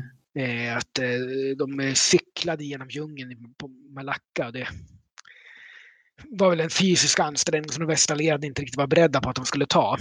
Eh, och de var också beredda att ge upp eh, liksom försörjningslinjer och bara packa en ryggsäck med mat och ammunition för tre veckor och sen ge sig rakt ut i djungeln. Och dyka upp på helt oväntade ställen. Eh, på ett sätt som de västallierade inte räknade med att de skulle göra. Eh, och här är ju det är en av britternas värsta manövrar då att de, när japanerna tar Burma, som är en av eh, den indiska subkontinentens främsta kornbodar, så det odlas mycket riset som åts i östra Indien, odlades i Burma. Eh, och det tar Japan och för att japanerna inte ska gå över från infall och in i Indien så tar britterna och beslagtar eller sänker alla båtar från liksom minsta eka upp till stora pråmar. Och det här är ju det lokala transportnätet i området. Det är det man transporterar varor och människor med. För det är Mm. stora floder där liksom. Det är Ganges och Indus och infall och så vidare. Och det leder ju till den här stora svälten i Bengal 1943. För att kornboden, skörden fallerar. Kornboden där de normalt får det mesta av sin mat från är i fiendens händer och britterna har plockat bort det lokala transportnätet. Så det går inte att transportera ut mat från andra regioner dit. Så det Mm. dör ju någonstans mellan en och tre miljoner indier i den här svälten. Ja. Och brittiska armén är fram till Wavell kommer och gör något åt det. Eh, I mitten av 1943. Helt oförstående inför att det här är ett problem. Och Churchill själv säger att ja, andra delar av imperiet har känt nypen. Nu är det dags för Indien. Wow. Ja. Have felt the pinch. The pinch. Hur många dog? Ja, en till tre miljoner tror jag. Mm, Hur många indier fanns det då? 400 miljoner någonting. Ja, så knappt en procent. Ja, det är väldigt mycket folk oavsett. Ja, ja, abs- absolut. absolut. ja, jag tror inte du menade så, Koffe. Eh, är det mörkt? Alltså, vilket, alltså jag blir, man blir så här. Det man, tycker jag i alla fall, reflekterar över när du går igenom många av de här slagen och alltså de sekundäreffekterna, eller vad man ska kalla dem för, Mm. som hela tiden slår igenom och där liksom civilbefolkningen stryker med i ungefär lika stora mängder som arméerna. Det är liksom... Om, om Ja, inte de- mer. Om inte mer, precis. Mm. Eh, och det, det, är inga små, eh, eh, det är inga små siffror. Liksom. Nej, verkligen inte. Mm. Vad rä- har du någon sån här, vad räknar man med ungefär hur många människor som dog under andra världskriget? Finns det någon bra här, Någonstans mellan 55 och 60 miljoner. Mm. var det Och hur- totalt eller bara i kriget? Alltså det är totalkriget och eh, civila dödsfall. Okay. Har, man någon, har man någon eh, idé om uh, fördelningen mellan liksom stridande och civila där? Ja, det är ju vad brukar man säga, 15 miljoner stridande och resten civila. Mm. Det, det är mycket människor. Helvete. Det beror lite på hur man ska räkna krigsfångar. För de är inte stridande längre då. Nej, det, nej, det är sant. Och, och, och tyskarna mördade 6 miljoner krigsfångar någonting. Mm. Så jag, jag har ju hört en, en, en sån här, bara, om vi bara är inne på det här med hemskheterna med krig, vi ska inte stanna med det, vid det för länge, men jag har hört en berättelse om eh, när, eh, när kriget vände eh, och Sovjet återigen tog så att säga initiativet. Ja. Att man använde sig av tyska krigsfångar när man hade svårt att få grepp med pansarvagnarna. Att man helt enkelt bara la ut dem, man la ut dem som en matta liksom, och så fick man grepp i dem när de låg på det, är, alltså, det låter som en myt. Dels var sovjetiska stridsvagnar designade för att kunna köra gyttja. Mm. De hade breda band, de hade band med hakar eller eh, grooves heter det på engelska, vad heter det på svenska? Eh, bra fråga du. Ja. Räfflor, mm. något sånt där, som gjorde att de greppade uh. väldigt bra. För tyskarna kommenterade mycket att deras stridsvagnar sjönk i gyttjan medan T34 gled runt ovanpå. Mm. Eh, så att eh, dels det, dels så vet jag att i eh, Korsunfickan 44 när sovjetiska stridsvagnar faktiskt fysiskt körde över retirerande mm. tyska soldater. De försökte fly. Så körde de ofta mm. fast. Okay. För att personerna var mjuka. Mm. Och det fastnade liksom ben och hud och sådär i banden och så, och mjuka grejer. Trevligt. Är, är värre än hårda grejer. Mm. Så att, eh, ja. Eh, jag tror inte på den faktiskt. Sannolik skröna äh, lägger vi den i. Så. Ja. Jag, jag, säger inte att jag har absoluta bevis emot den, men... Nej, men den, den doesn't make sense. Nej, precis. Ja, eh, vi ska återgå till våren 42 då på östfronten. Ja. Mm. Mm. vänta lite, vi ska faktiskt gå tillbaks nu tycker jag och eh, avhandla Nordafrika lite grann. Mm. mm. För där är det ju att eh, italienarna som vi har berättat förut har ju fått storstryk och så har ju Rommel blivit skickad till Libyen. Och han sätter igång omedelbart en offensiv och britterna har ersatt sina bra trupper med mycket sämre trupper för att de vill hjälpa Grekland. Eh, och de trupperna får ett storstryk Förutom Australien då som blir omringade i Tobruk och håller ut där ett år. Det är sex månader där i alla fall. Mm. Eh, och eh, det kommer ju då ökenkrigföring mellan britterna och tyskarna och italienarna under hela den här perioden då från eh, mars 1941 till, ja vi är framme i december, eller till och med våren 1942. För att först går ju då Eh, Rommel in och slår ut där, omringar Tobruk men lyckas inte ta Tobruk. Och sen sätter britterna in en motoffensiv som eh, en förberedande motoffensiv som misslyckas, sen en motoffensiv som misslyckas. Och sen sätter de in en stor offensiv som lyckas och driver tillbaka tyskarna och italienarna genom hela eh, östra Libyen igen och befriar Tobruk. Och sen bombar tyskarna Malta åt helvete så de kan få igenom konvojer med underhåll och stridsvagnar till Rommel. Eh, problemet är att Malta har ju bombflyg och ubåtar och sådär som sänker allting italienarna försöker frakta över. Inte allting, men mycket. Men eh, tyskarna skickar tionde flygkåren som bombar Malta åt helvete, minst sagt. Eh, och eh, de, eh, britterna var tvungna att skicka flera konvojer som där 80-procentiga förlustsiffror för att försöka få underhåll till Malta.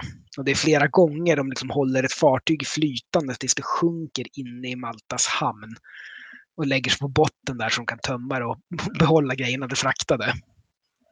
Mm. Bland annat en, ett tankbåt tror jag som bars upp av två andra fartyg. Som fick in det i hamnen så den sjunka på botten där så kunde de pumpa ut oljan och använda den. Mm. Ja, i alla fall så... Mm, eh, Så ja, i Operation Crusader då så tar ju britterna tillbaka det och sen sätter Rommel in emot dem. För Finland har fått massa försök och eh, blir stora slag vid Gazala då. Det här är väl första gången de fria fransmännen på ett större sätt förekommer. De har en brigad med i Gazala-linjen vid Bir Hakeim heter det. Och då, eh, man har gjort boxar kallas det. Eftersom det är så öppen terräng har man skapat fortifikationer med taggtråd, eh, nedgrävda bunkrar och extrema mängder minor. Man lägger hur mycket minor som helst. Och eh, de fria fransarna i Bira Hakeim håller ut när situationen redan är förlorad väldigt länge så att resten av brittiska armén kan retirera. Mm. Eh, och eh, till slut då, så sticker de med en lastbilskonvoj under natten och lämnar kvar sina sårade. Eh, efter att ha gjort motstånd så att alla andra har kunnat dra sig ur. Och det är en det är extremt hårda strider och fransmännen har ett delvis fortfarande utrustning från 1940. Och nu pratar vi att det är ändå våren 1942. Eh, och få slåss med den och slåss extremt hårt. Så det är väl eh, övertippningen när fria fransmännen blir någonting att räkna med på riktigt. Mm. Eh, men i alla fall, de retirerar och försöker hålla Tobruk, men Tobruk faller. Så de retirera hela vägen tillbaka till El Alamein då. Där sommaren 1942 då så försöker Rommel ta El Alamein och misslyckas med det. Och sen får han slut på bensin och underhåll och allting. Och det går väldigt svårt att frakta underhåll där och det är ju inte tyskarnas starka sida. Och man kan notera då att britterna under den här perioden har byggt en järnväg från Alexandria till Mersa Matru som ligger i Egypten och från Mersa Matru till Tobruk. Mm. Ja, eh, först till Ela Main, sen till Mersa Matru, sen till Tobruk. Och det gör de medan de har ockuperat det här området då eh, eh, under 1942 innan de blir utslängda. Och Rommel hoppas ju då att han ska kunna använda den här järnvägen för att få fram underhåll till sig själv hela Maine. Men britterna flygbombar alla tåg på den hela tiden så det går inte. Men, och samtidigt så bygger tyskarna och italienarna 60 kilometer järnväg från Tripoli. Under det året de försöker bygga järnväg. Så det är, det är en väsentlig skillnad. Och här ska jag ta eh, lite tid att prata lite skillnader mellan arméerna och hur de slogs och vad som var deras starka och svaga sidor och hur mm. både Sovjet och de västallierade började använda tyskarnas styrkor emot dem. Mm. För tyskarna var, som jag har sagt förut, väldigt, väldigt bra på taktik. Auftrags taktik, deras utbildning, deras välutbildade och underofficerare, men också deras kontroll och kommunikation. De hade en bra elektronikindustri, kunde ha mycket radioapparater, särskilt i början av kriget. De hade också särskilt i början av kriget väldigt bra artilleri, därför de hade inte en massa artilleri kvar från första världskriget, så de hade gjort moderna pjäser. Så att standardpjäsen i de brittiska, franska, ryska och polska arméerna var en 75 till 81 mm fältkanon från första världskriget. Medan tyskarnas standardspjäs var en 105 mm haubits. Som var modernare, sköt längre, sköt oftare, sköt tyngre granater. Och det här ska man inte underskatta. Tyskarna var också tidiga med granatkastare och k-pistar. Eh, och de hade även en infanteritaktik där man använde medeltunga kulsprutor, alltså klassiska MG34, och eh, för väldigt kraftigt eldunderstöd. Eh, och den kombon var väldigt, väldigt effektiv, särskilt i början av kriget. Och tyskarna hade också det som kallas knäreflex mot attacken, som de hade utvecklat under första världskriget. Att förlorar du en ställning, alltså fienden anfaller och tar en ställning, då gör du omedelbart ett anfall, motanfall. Innan de har hunnit få fram kulsprutor och tunga vapen och gräva ner sig och sådär och fortfarande är slitna och trötta efter anfallet. Så gör du ett motanfall direkt och då är de ofta så förvirrade och så oorganiserade efter sitt eget anfall så att du kan slå tillbaks dem relativt lätt. Och ta tillbaks allt det du förlorade. Och det här var en taktik som funkade väldigt bra, särskilt mot Sovjet när de gjorde massanfall då att Sovjet hade ju, som jag sagt innan, problem med radioapparat och kommunikation och kontroll. Så de gör ett stort anfall. Sen tar det tid innan artilleriet kan komma fram och hjälpa till. Och då gör tyskarna ett motanfall väldigt snabbt och mm. kan slå tillbaka väldigt hårt då. Så där var de väldigt Tyskarna var också väldigt bra på radiotriangulering. Eh, man radio, lyssnade på radio och man ställde upp radiomottagare på olika positioner för att kunna identifiera var en motståndarradio som sände var.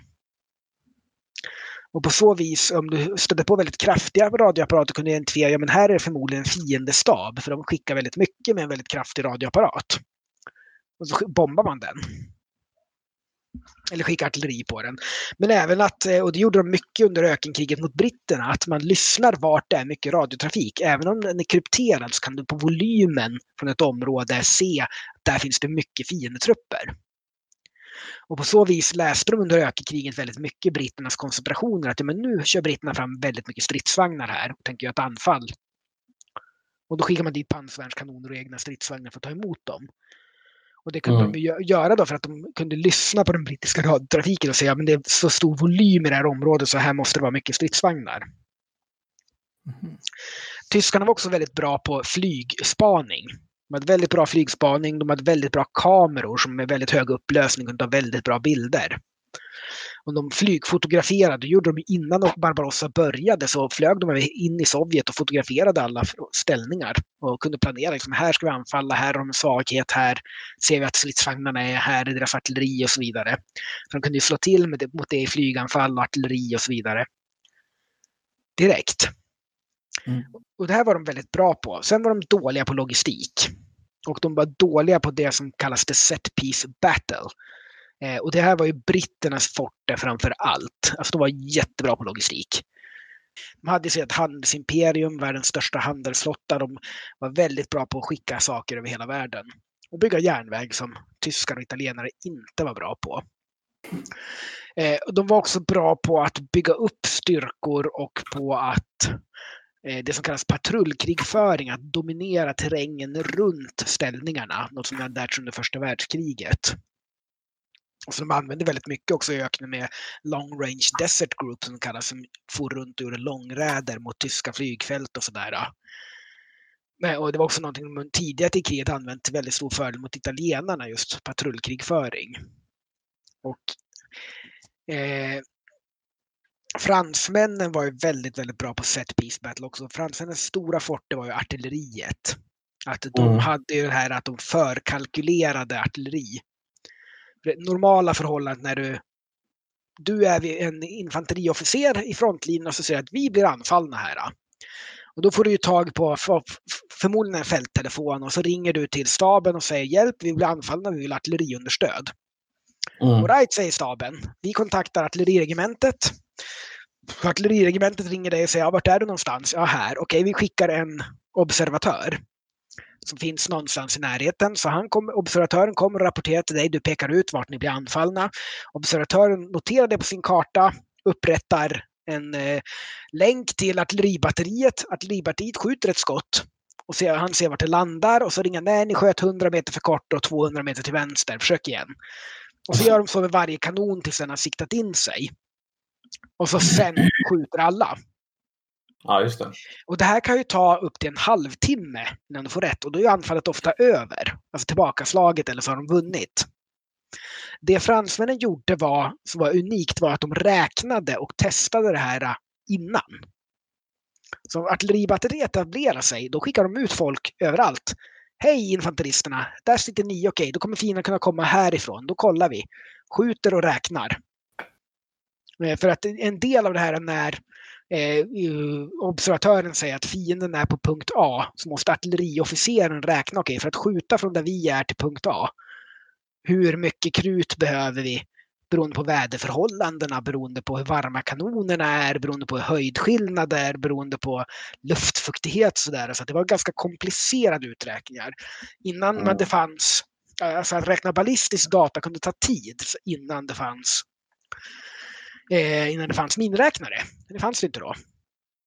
Så fransmännen räknade det här innan. Så att de kunde få ner tiden till mycket att, att uh, infanteriofficeren ringer till artilleribatteriet direkt. Hjälp! Okej, säger det. Vi har räknat ut det här redan. Då sätter vi igång. Så kunde det dröja så lite som en minut innan det började regna ner granater på fienden. Oj. Mm. Problemet var ju att de måste vara på plats ett par dygn och göra det här. Mm. Och när tyskarna anföll blev det rörlig krigföring. Och det var de inte förberedda för. Och det här var någonting som amerikanerna tog upp. Och gjorde det som är förmodligen det, ett av världshistoriens största matematiska projekt.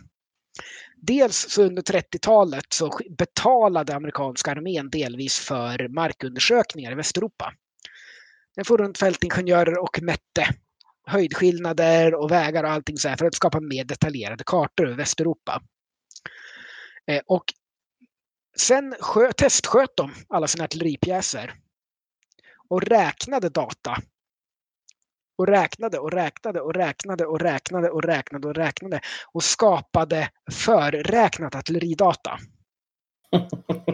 Baserat på det franska systemet. Så att det innebar att de hade motsvarande, ni vet de här, eh, det finns ju, eh, vad heter det, det heter måttband. Mm. Som här rullar ut. De hade sådana fast för artilleridata som de la över kartan. Vad Och var kartan bra nog och det var bra nog räknat, vilket det ofta var, så kunde de veta så här. Och så sen ska jag dra uppåt eller neråt beroende på temperaturen, på luftfuktigheten och så vidare. Och höjdskillnaden mellan de här två punkterna. Så att de kunde få det bara datat. Bara skjuta ja. Ja. Och sen amerikanerna hade ju världens absolut bästa elektronikindustri så de kunde ju producera walkie-talkies.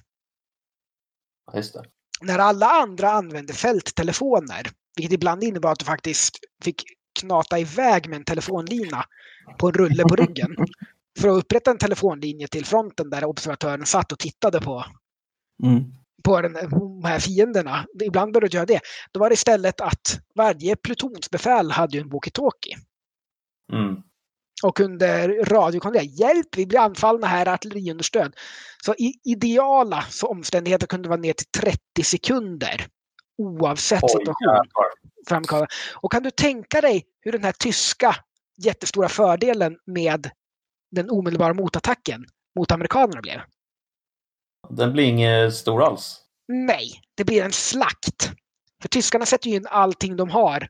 In bara med, kok- liksom med eh, fältkökspersonal, luftvärnskanon helt öppet oskyddat. Liksom bara direkt en motanfall med allt vi har med mycket eldkraft bara rakt på. Och det har funkat jättebra. Och då bara kommer det granater nerregnande efter en minut. Som borde ta en halvtimme. Och kanske till och med mer för att de inte ens fått fram folk, artillerifolk till den nya positionen.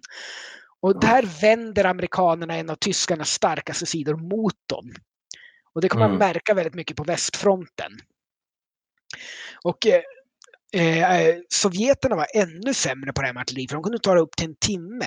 För de hade sån brist på radioapparater och matematiker eh, som kunde räkna. Eh, så att de hade ju ofta förräknade artilleristormar. Det vill säga att man bygger upp ett frontläge med hur mycket artilleri som helst och så bara plattar du till hela fronten med artilleri. Och sen Mm. går det fram. Och man kan se ganska tydligt på vilka sidor som hade bra artilleri och inte. För att de som hade bra artilleri byggde inte stormkanonvagnar under kriget. Stormkanonvagnar. Ja, Stug till exempel. Eller de sovjetiska SU. Eh, en grövre kanon monterad fast i skrovet på en stridsvagn. Mm. Ja, okej. Mm, jag fattar. Och det har tyskarna, det gör italienarna, det gör Sovjet enorma mängder av. Det gör ungrarna och så vidare. Men det gör inte britterna och det gör inte amerikanerna. För de har Nej. mycket bättre artilleri. De behöver inte att infanteriet kan få eldunderstöd från direktskjutande kanoner i pansrat skal. För att om de kommer upp, nej här är en fiendebunker, en träbunker med en kulspruta i. Eller en granatkastare i en grop. Och vi kommer inte åt den. Ja, tyskarnas svar var då, hjälp kan vi få hit en stugg som kör fram och sätter ett högexplosivt skott i det där. Klart. Mm. Amerikanerna och britterna, kan vi få ett artillerield på det här? Så att där har det... är väl, artillerielden är väl generellt sett en ännu större explosion också än ja, vad stugg av. Precis. Det, blir mer. Det, det är grövre pjäser, du kan ösa ut mycket mer. Mm, det, det, finns många, många, många fler av dem också. Mm. Eh, sen vad Sovjet gjorde eh, var att de uppfann Maskerovka-taktiken. Eh, där de också vände mycket av tyskarnas styrkor mot dem. Eh, dels började de använda kamouflage mycket, mycket mer. De blev väldigt bra på det också. De dolde sina trupper mycket mer, men de utvecklade också taktiker då, där de bland annat körde en lastbil med tio vagnar bakom. Fram och tillbaka, fram och tillbaka, fram och tillbaka. Eh, så kommer tyskarna och flygfotograferar. Här har du kört hundratals lastbilar. Uppenbarligen håller de på och bygger upp någonting här. Ja. Eh, och, och, så skickar de folk med radioapparater, kraftfulla radioapparater, att sitta och skicka kärleksdikter till varandra ändlöst, fram och tillbaka krypterat. Så tyskarna lyssnar, här är massor av radiotrafik. Och så har vi flygfoton att här är massor av lastbilar som går. De håller uppenbarligen på att bygga upp styrkor här för en offensiv. Det är bäst vi förstärker oss i det här området. Samtidigt då som de dolde trupperna som de faktiskt koncentrerade på ett område. Eh, och det här är det stora och raffinerande i hur Röda armén lär sig. För att de kommer inte ikapp tyskarna rent taktiskt.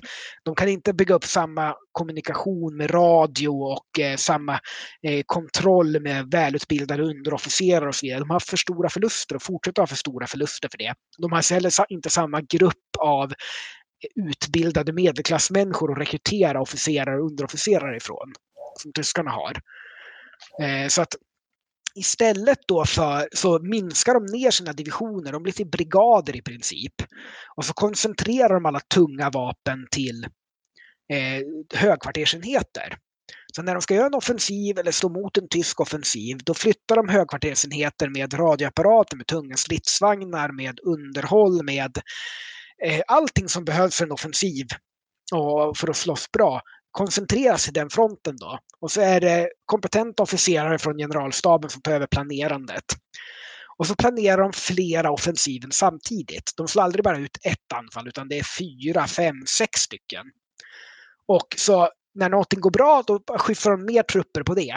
Och går det dåligt då slutar de med det och skyfflar de trupperna från det till det som går bra. Och tyskarna ser ju bara att de blir dränkta i en ändlös lavin av män och stridsvagnar och kanoner. Eh, mm. Och de ser ju aldrig den här planeringen och den logistiken och Maskerovka-taktiken och så vidare som eh, sovjeterna använder som ligger bakom det att de kan ha väldigt lite män någon annanstans. Att tyskarna har mycket och väntar sig ett anfall och sen jättemycket. För inte förrän i slutet av 1944 har Sovjet mer än 50 procent större armé på östfronten än äh, axelmakterna har. Men lokalt kan de ha 20-30 gånger så många när de ska sluta en offensiv. Och, eh, mm. och, det är den här planeringen de gör då och kompensationen för det de vet att de inte är bra på. Eh, och gör den här, som kallas en operationell doktrin då, där högkvarteret noga kontrollerar, planerar och bygger upp och kör de här anfallen när de snabbt kan flytta från ett till ett annat. Och rent taktiskt är de fortfarande ganska oflexibla och inte jättebra.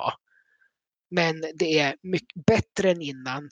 De är fortfarande underlägsna tyskarna, men de kompenserar genom att vara extremt många fler lokalt och slå igenom och slå på djupet. Och mm. en av anledningarna till att vi har den här idén om att Sovjet vann bara för att de var så jävla många är för att de sovjetiska arkiven var ju stängda för västerländska forskare fram till tidigt 90-tal. Medan tyska officerare som hade slagits på östfronten, de gav ut memoarer i Västtyskland direkt efter kriget. Mm. Så att eh, i väst har vi bara fått tyskarnas syn på östfronten. Framförallt senare delen av östfronten när tyskarna bara ser att de blir dränkta i en lavin av män och stridsvagnar. Mm. Och så kommer det här, ja men, de asiatiska horderna-myten. Just det.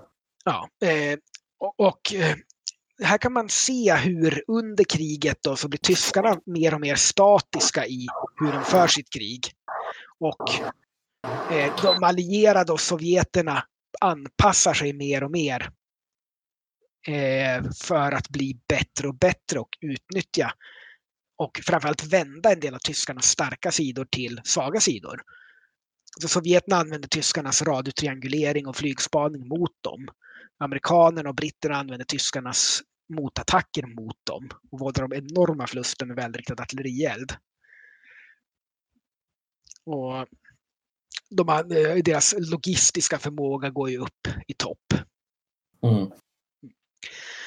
Så att det vill jag säga lite grann om hur eh, lite grann om hur arméerna funkade och logistiken och sådär. Så att, men Mm. vi ska gå tillbaks till våren 1942. Eh, under då vintern har Sovjet gjort en stor motoffensiv men misslyckats i stort sett. De driver tillbaks tyskarna, de omringar en del tyska förband men de kan underhållas från luften och slå sig fria sen. Och så sätter eh, sovjeterna in en motoffensiv i söder vid Charkov. Eh, som i början har en del framgångar men sen sätter Luftwaffe in stora trupper och tyskarna går till motanfall och slår sönder det här. Och sen slås tyskarna ut sin stora offensiv österut då. Eh, fast, och nu ska man notera att i, vid Barbarossa då gjorde de offensiv på alla tre armégruppernas front. Alltså armégruppen Nord, armégruppen Mitt och armé, armégrupp Syd. Men nu har de inte resurserna riktigt, logistiken att göra offensiv på alla tre, utan de gör på ett frontavsnitt. Armégrupp Syd. Varför, varför väljer man syd?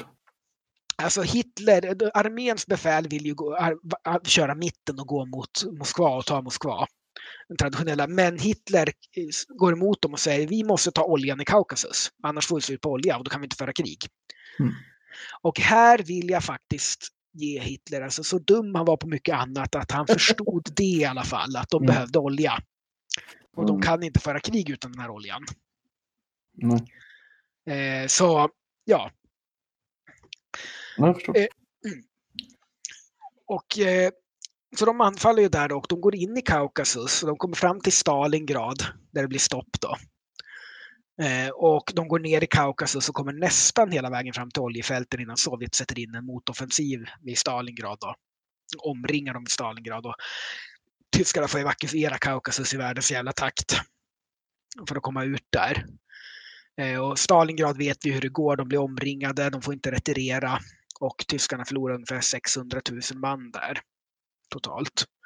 Och rumänska första och andra armén, ungerska första och italienska åttonde armén som också är där blir fullständigt sönderslagna. Okej. Så att hela kampanjen så är förlorar Sovjet typ en och en halv miljon man och axelmakterna lika mycket. Men axelmakterna förlorar ju väldigt, väldigt mycket materiel också. Och eh, drivs tillbaks väldigt långt. Innan eh, då Manstein gör en, ett motanfall under våren som stabiliserar fronten.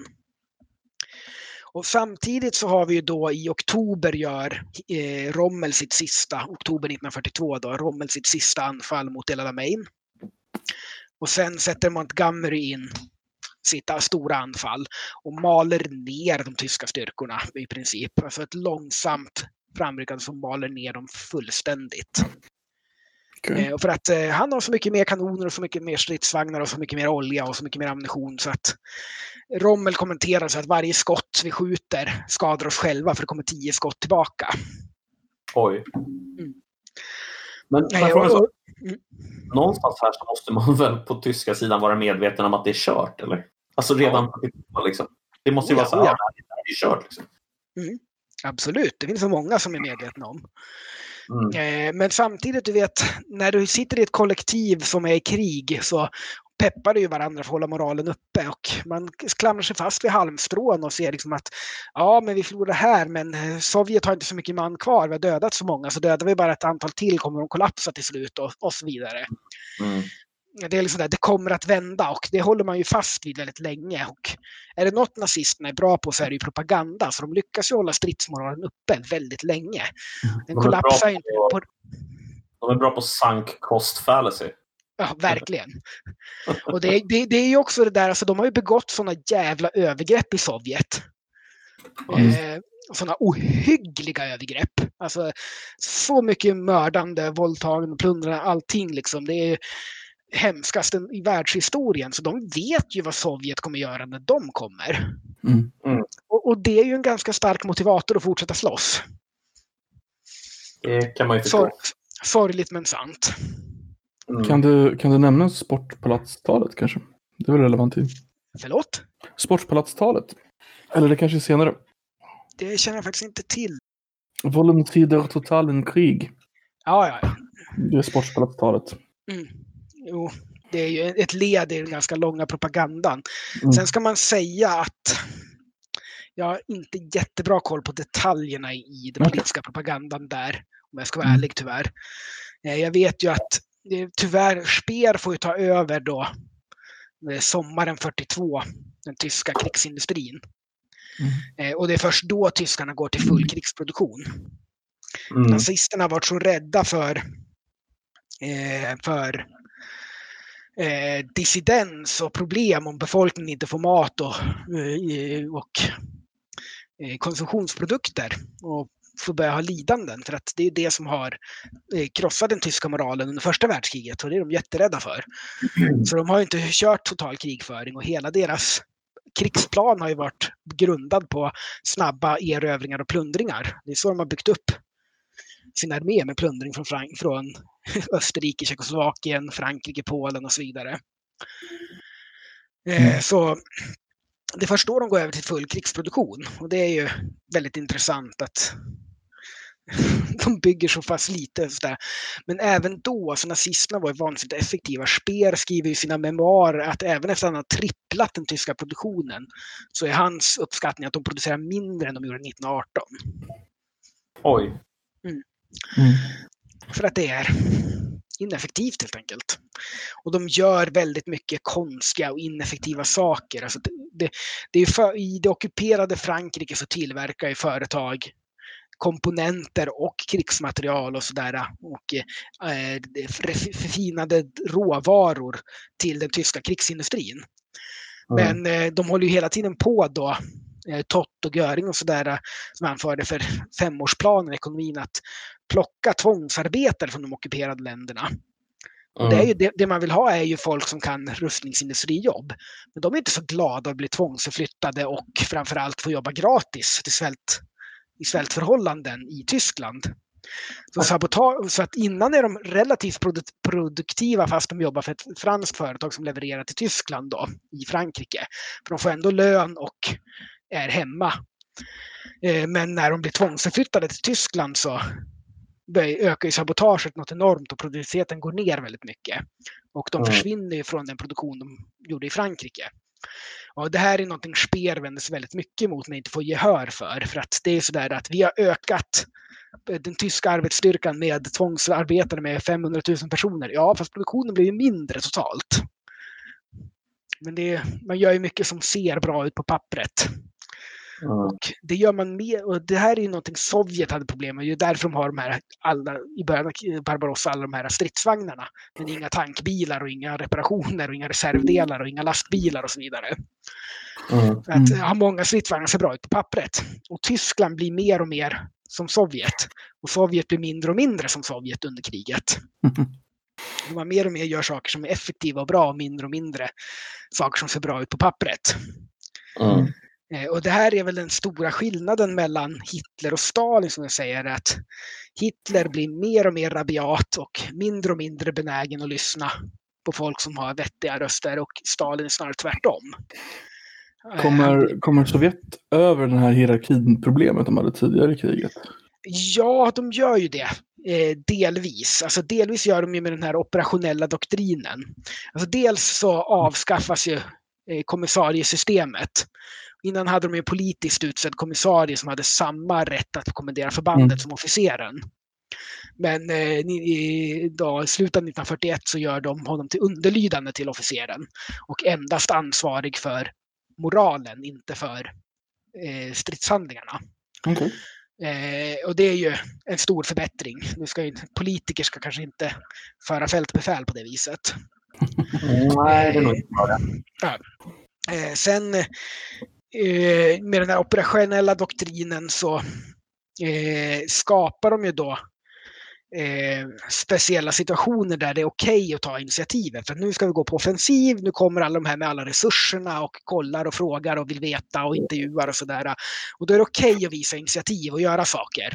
För då blir det en stämning att nu ska vi åstadkomma någonting här. Det är som att få en ny projektledare på jobbet. Helt plötsligt är det okej okay att prata om att mm. det är problem med det här. Fast mm. kanske inte var okej att prata om det när det bara var chefen.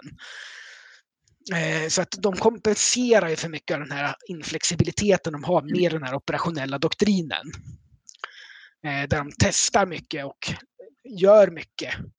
De kanske inte riktigt har samma flexibilitet som eh, tyskarna har, men de är beredda att testa saker och säga att när det här gick inte, okej, okay, då testar vi något annat. Det de gör är att de slår ut flera anfall och avslutar det som inte funkar.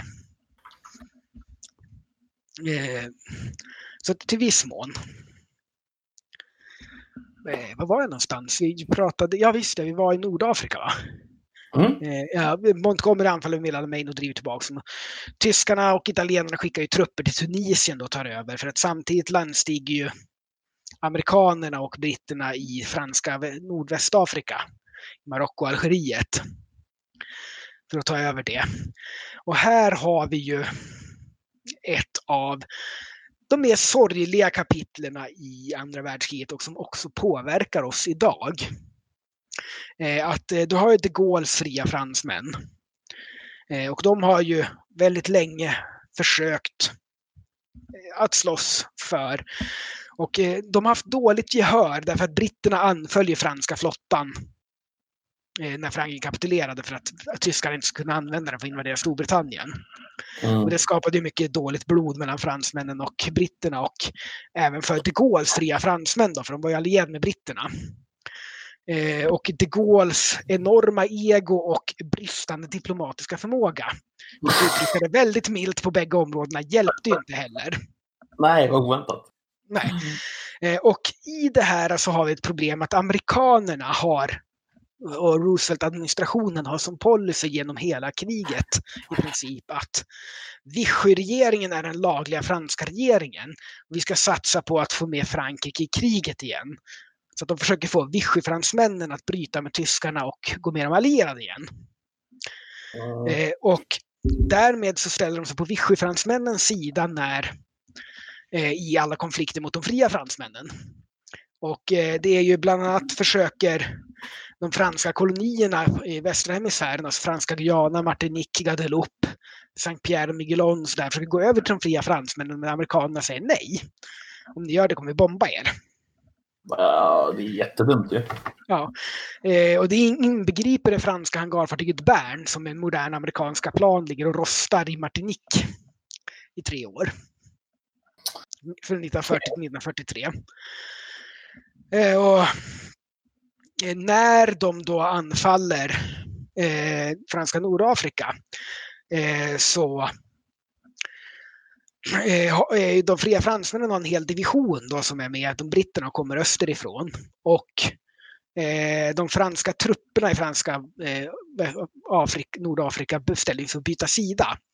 Och här finns det som då är det absolut bästa av de franska förbanden, den 19 kåren. Men de franska trupperna i Nordafrika är frivilliga. Det är lokala trupper som är frivilliga och de har väldigt, väldigt hög utbildningsnivå. Och fransmännen har, precis som tyskarna gjorde under mellankrigstiden, eh, lurat eh, avtalet då, att de får inte ha några stridsvagnar, de får inte ha eh, tungt artilleri, de får inte ha och så vidare och så vidare. Och så vidare. Och de har gömt mm. undan en hel del sånt där i Nordafrika och det har ju 19 kåren tillgång till då. Mm. Så det är det bästa förbandet franska förbandet i hela sed. Och den byter sida till fria fransmännen. Men eh, tyskarna, eller amerikanerna försöker få amiral Dalan som är en fascist och guvernör över franska och Nordafrika att byta sida, men han vägrar. Eh, och sen försöker de få en annan kille, nu kommer jag inte ihåg vad han heter, men han gömmer sig på Gibraltar och vågar inte bege sig till franska och Nordafrika. Eh, att ta över befälet. Och när ingen av dem vill eller kan. Eh, och eh, framförallt när Dalan är helt diskrediterad för att ingen vill lyda hans order bland fransmännen i franska Nordafrika. Så vill då Och samtliga franska kolonier i franska Nordafrika har svurit för fria fransmän och de Gaulle. Då vill amerikanerna lägga franska Nordafrika under amerikansk militär administration. Kan ju tänka hur glad de Gaulle blev på det. Jätte. Nej. Så en hel del av det här uh, cheese eating surrender monkeys, eh, att fransmän ger sig inte slåss, kommer mm. från att amerikanerna under stor del av kriget försökte få fel fransmän att börja slåss. Mm. Och ignorerade de fransmän som slogs. Och det skapade också väldigt mycket bitterhet för, hos fransmännen. Att klart. de inte fick någon hjälp. Och det dröjer, alltså den franska 19 kåren då där i Nordafrika får ingen ländlis förrän hela kampanjen Nordafrika är över. Först i juli 1943 erkänner amerikanerna att den fria franska armén är den enda franska armén att få ländlis. Så de får slåss med sina vapen från 1940 genom hela fälttåget i Tunisien då. Ja, det är ju konstigt. Ja. Mm. Eh, och sen när, eh, och det egentligen hör till senare, men vi ska ändå ta det i sammanhang och diskutera det här. Alltså, det dröjer till oktober 1944 innan amerikanerna erkänner den fria franska regeringen de Gaulle som Frankrikes lagliga regering. Mm. Så att de försöker även ett tag under, när de har återtagit Frankrike att försöka få någon annan än de Gaulle. Mm. Man förstår att det här skapar en viss bitterhet hos fransmännen mot amerikanerna. Alltså var det primärt en, eh, en aversion just mot de Gaulle också i det fallet? Eller var det liksom en eh, mot hela projektet runt honom? Alltså både och. Alltså de hade börjat satsa på Vichy-fransmän och fortsatte med det. Och så blev mm. det dåliga relationer och så var det liksom vem som helst utom de Gaulle. Och de Gaulle hjälpte ju inte direkt till heller, det ska ju inte kännas. Nej, gjorde han inte det? Han, han som brukar vara så diplomatisk. Ja, precis. Mm. Jävla galning alltså, herregud. Ja. Men det är inte bara hans fel i det här fallet faktiskt. nej, nej, nej. Jag bara mm. tänkte på vissa grejer jag läste om honom. Men ja, mm, yes, sure. Så. Eh, och sen invaderar de västallierade Sicilien och nu har ju faktiskt de fria fransmännen fått amerikansk ländlisutrustning och gör riktigt bra ifrån sig i hela kampanjen genom Italien eh, som invaderar Sicilien och tar det och italienarna är ju riktigt illa ute. De har ju förlorat sådana enorma mängder. Allting de har haft har de ju skickat till Nordafrika i princip. Förutom den åttonde armén som de skickade till Sovjet som blev fullständigt Ja, jag ska säga, eh, förlåt uttrycket våldtagen analt med taggtråd av sovjetiska motoffensiven. Alltså det, det, är svårt att uttrycka tillräckligt starkt hur extremt krossad åttonde armén blev. Är det så alltså? Ja. Mm. Ja. Eh, och sen då är vi ju framme vid Kursk nu på östfronten och det är väl i princip slutet av det här avsnittet. Om vi inte ska prata något mer och ha massa frågor.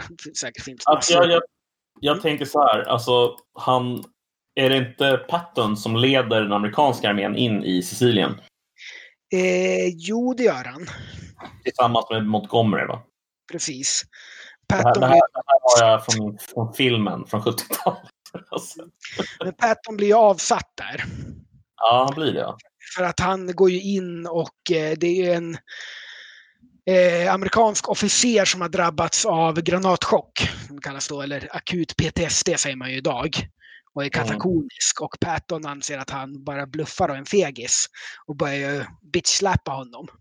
Mm, och det var inte riktigt acceptabelt beteende så han blev faktiskt avsatt som befälhavare där. Men han fick ju komma tillbaka igen ganska snabbt. Ja, jo, precis. Eh, alltså, för alla hans personlighetsfel så var han ju ganska kompetent. Han var ganska framgångsrik har jag förstått som, ja. som befälhavare överhuvudtaget över, vad var det, sjunde armén eller någonting. Mm, precis. Ja. Men eh, apropå det, vi kan ta två stycken svenskkopplingar här nu eftersom vi ändå pratar på svenska. Dels var ju Patton med i eh, OS i Sverige 1912 som pistolskytt. Mm. I amerikanska OS-laget. Eh, och påstod att hans eh, brist på guldmedalj berodde på att han hade så svårt att sova för det var så jävla ljust under hela natten. Eh, sen var han också på besök under 1945 och då var han på besök eh, vid Svea Livgarde och noterade att de hade ju eh, segertecken från 1521 på sina fanor. Mm. Och, tyckte att what the fuck were you guys fighting before America even existed? Were even alltså, han, är ju, han, är ju, han är ju en aldrig sinande källa till citaten när man, alltså när man kollar ja. upp citat av honom så har han sagt så jävla sjuka saker så att det är helt alltså, ja.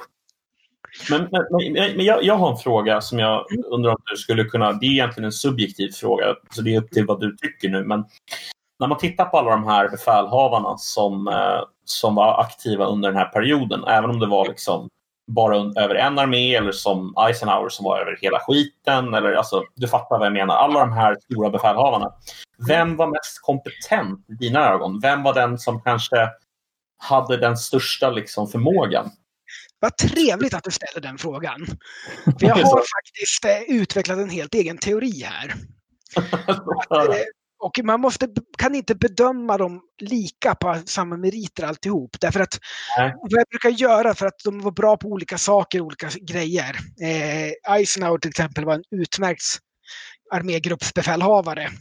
Men ganska dålig taktiker. Eh, det man måste dela in det så taktisk förmåga möjligheten mm. att vinna strider helt enkelt. Eh, och åstadkomma med vad du hade. Sen strategisk förmåga, alltså möjligheten att göra strider till något som vann krig eller vann större kampanjer. Mm. Eh, och eh, i det, sen ska jag säga, har vi organisatorisk förmåga. Och där mm. har vi mm. logistik, förmågan att samarbeta med andra befälhavare, att, och i många fall även organisera sin egen armé och så vidare. Eh, och eh, ändra träning och så vidare. Och sen slutligen politisk förmåga. Och här är det mm. inte bara då att säkra resurser på hemmafronten och sådär för att kunna kriga vidare och så vidare. Utan också möjligheten att samarbeta med allierade och att hålla dig kvar som befälhavare om det gick dåligt och sådär. Mm. Eh, och om du tar till exempel Eisenhower så var han superb politiker. Eh, han klarade av att manövrera alla fallgropar i brittisk och amerikansk press och politik och sådär. Han var ett, mm. kunde få Montgomery och Patton, två av de om man undantar de Gaulle, då, två av de största egon under andra världskriget, att inte bara samarbeta med honom utan även med varandra. Mm.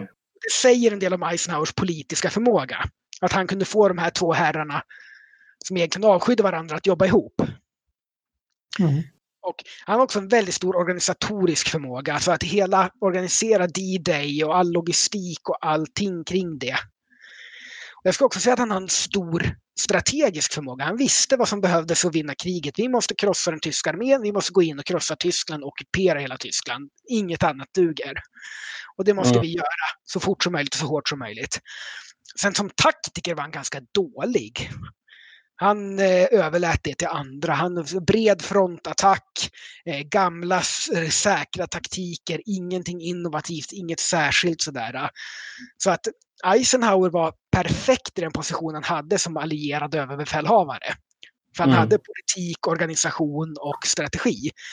Taktik behövde han egentligen inte. Kanske hade han varit ännu bra om han varit bra på det också. Men till exempel skulle du sätta Eisenhower med en amerikansk pansardivision och sätta honom mot Manstein till exempel med en pansardivision, då skulle ju Manstein vinna nio gånger av tio. För Manstein mm. var en mycket bättre taktiker. Sen var Manstein inte alls en lika bra organisatör eller politiker eller strateg. Eh, så att, och det här tycker jag man kan använda för att bedöma att var Eisenhower eller Manstein en bättre general? Som takti taktisk general var Manstein bättre. Som politisk general och organisatör var Eisenhower bättre. Mm. Eh, så att då kan du jämföra äpplen med äpplen och päron med päron om du tänker på det systemet. Mm. Och det här kan man också använda genom hela historien. Alltså folk som har, är skickliga på alla fyra, eller ens tre av fyra, är väldigt ovanliga. Mm. Jag skulle säga väldigt få är det som skulle vara, och det är nästan bara legendariska kungar och härskare som har alla fyra. Vadå, typ Caesar, Alexander den store, alltså den Alltså, blir man mördad av... Ja, jo, jo. Ja, det är sant. Hans politiska förmåga var inte så stor. Men Nej. eh, alltså jag skulle säga Suleiman laggivaren, Napoleon, Mm. eh, Karl den elfte, skulle jag vilja säga där, Gustav II Adolf, eh, Tokugawa, eh, förlåt, ja, Koffe. ah, Koffe får komma hit och vara med på ett Rise and Decline och Third Reich-helgen jag ska ha med lite vänner. För att se hur bra han är på strategi. Jag, jag är väldigt bra på sån här japansk eh, strategi. Det var då självmordsattack. Nej, det är innan. Mördat. Men, men, men, men om du, okej, så om vi, det, det finns två nivåer säger vi, det finns fyra, men, men, Det men finns fyra skills. Och en, fyra kan- ja. Men, men Ja. alltså, om man är en typ av general som är ute och slåss med sin armé eller om man är den administrativa kraften bakom. Ja, det eller du, de, kan- du kan ju vara alltihop samtidigt. Men det är Mm. ovanligt. ja, det är ovanligt ja. Men, Ja. men fanns det nå, det jag är ute efter är, skulle du säga att det fanns någon då som hade de här fyra kvaliteterna som var en del av andra världskriget? Jag skulle vilja göra det, ja.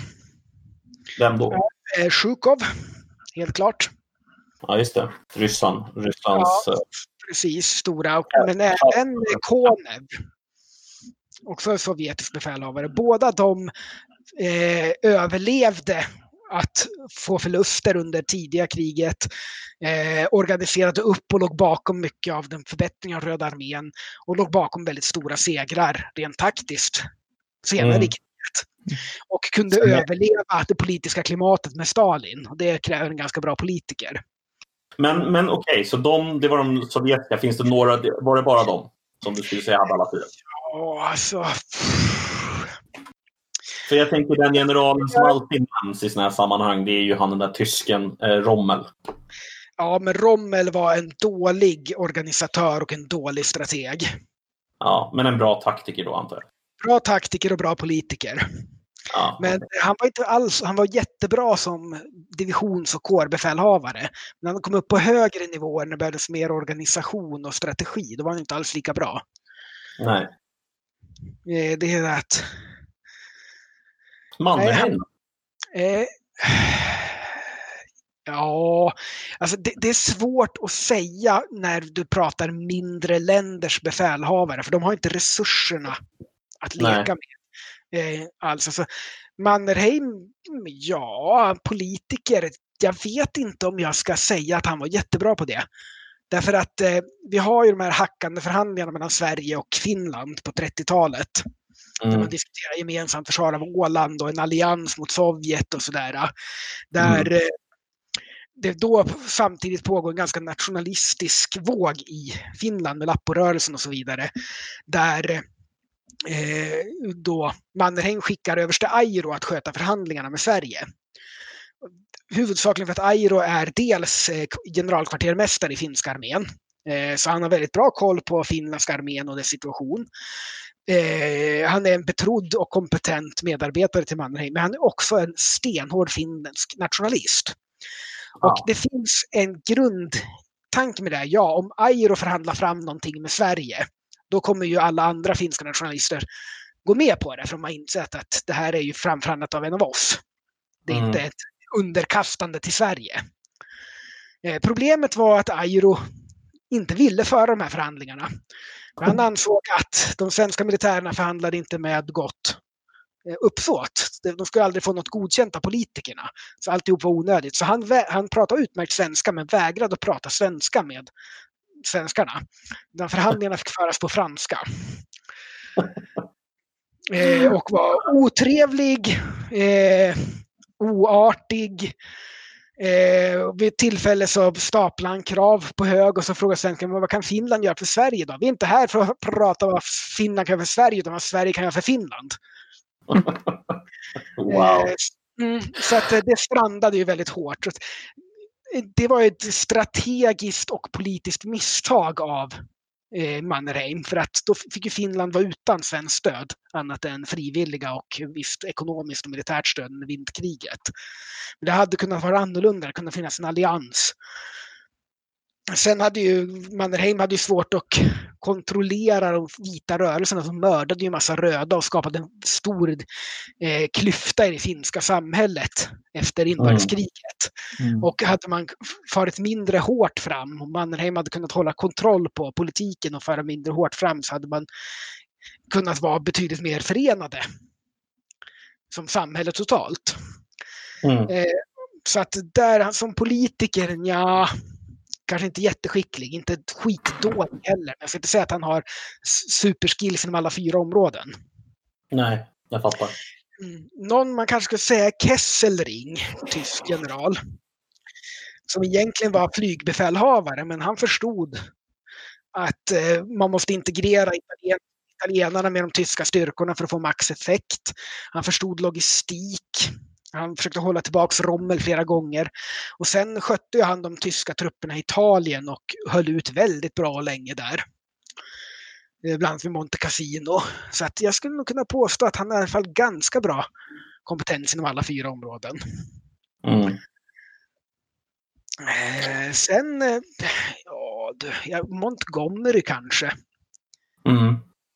Alltså, ett av problemen är att folk som har skills inom alla fyra områden tenderar också att ha ett ohyggligt ego. Oväntat. Ja, alltså det, det verkar gå något hand i hand sådär.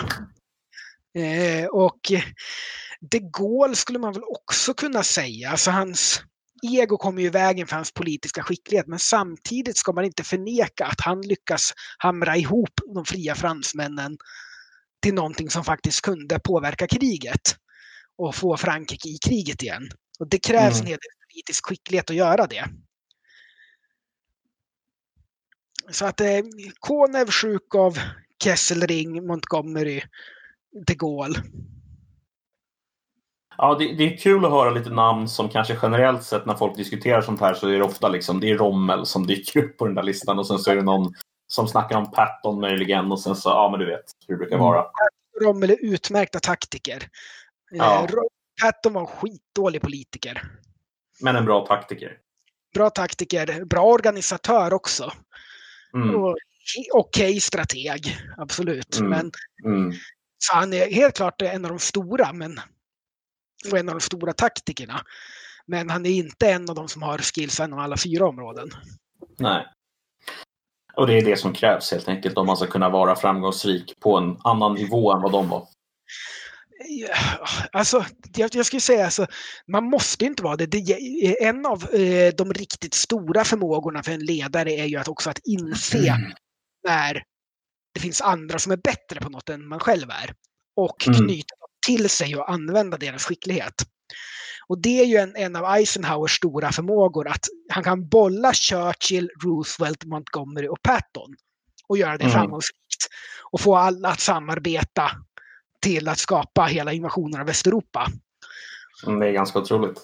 Ja, det, det, det, är en stor förmåga. Det finns en anledning till att han vinner två val och blir president i USA sen också, för han är en väldigt bra politiker. Ja.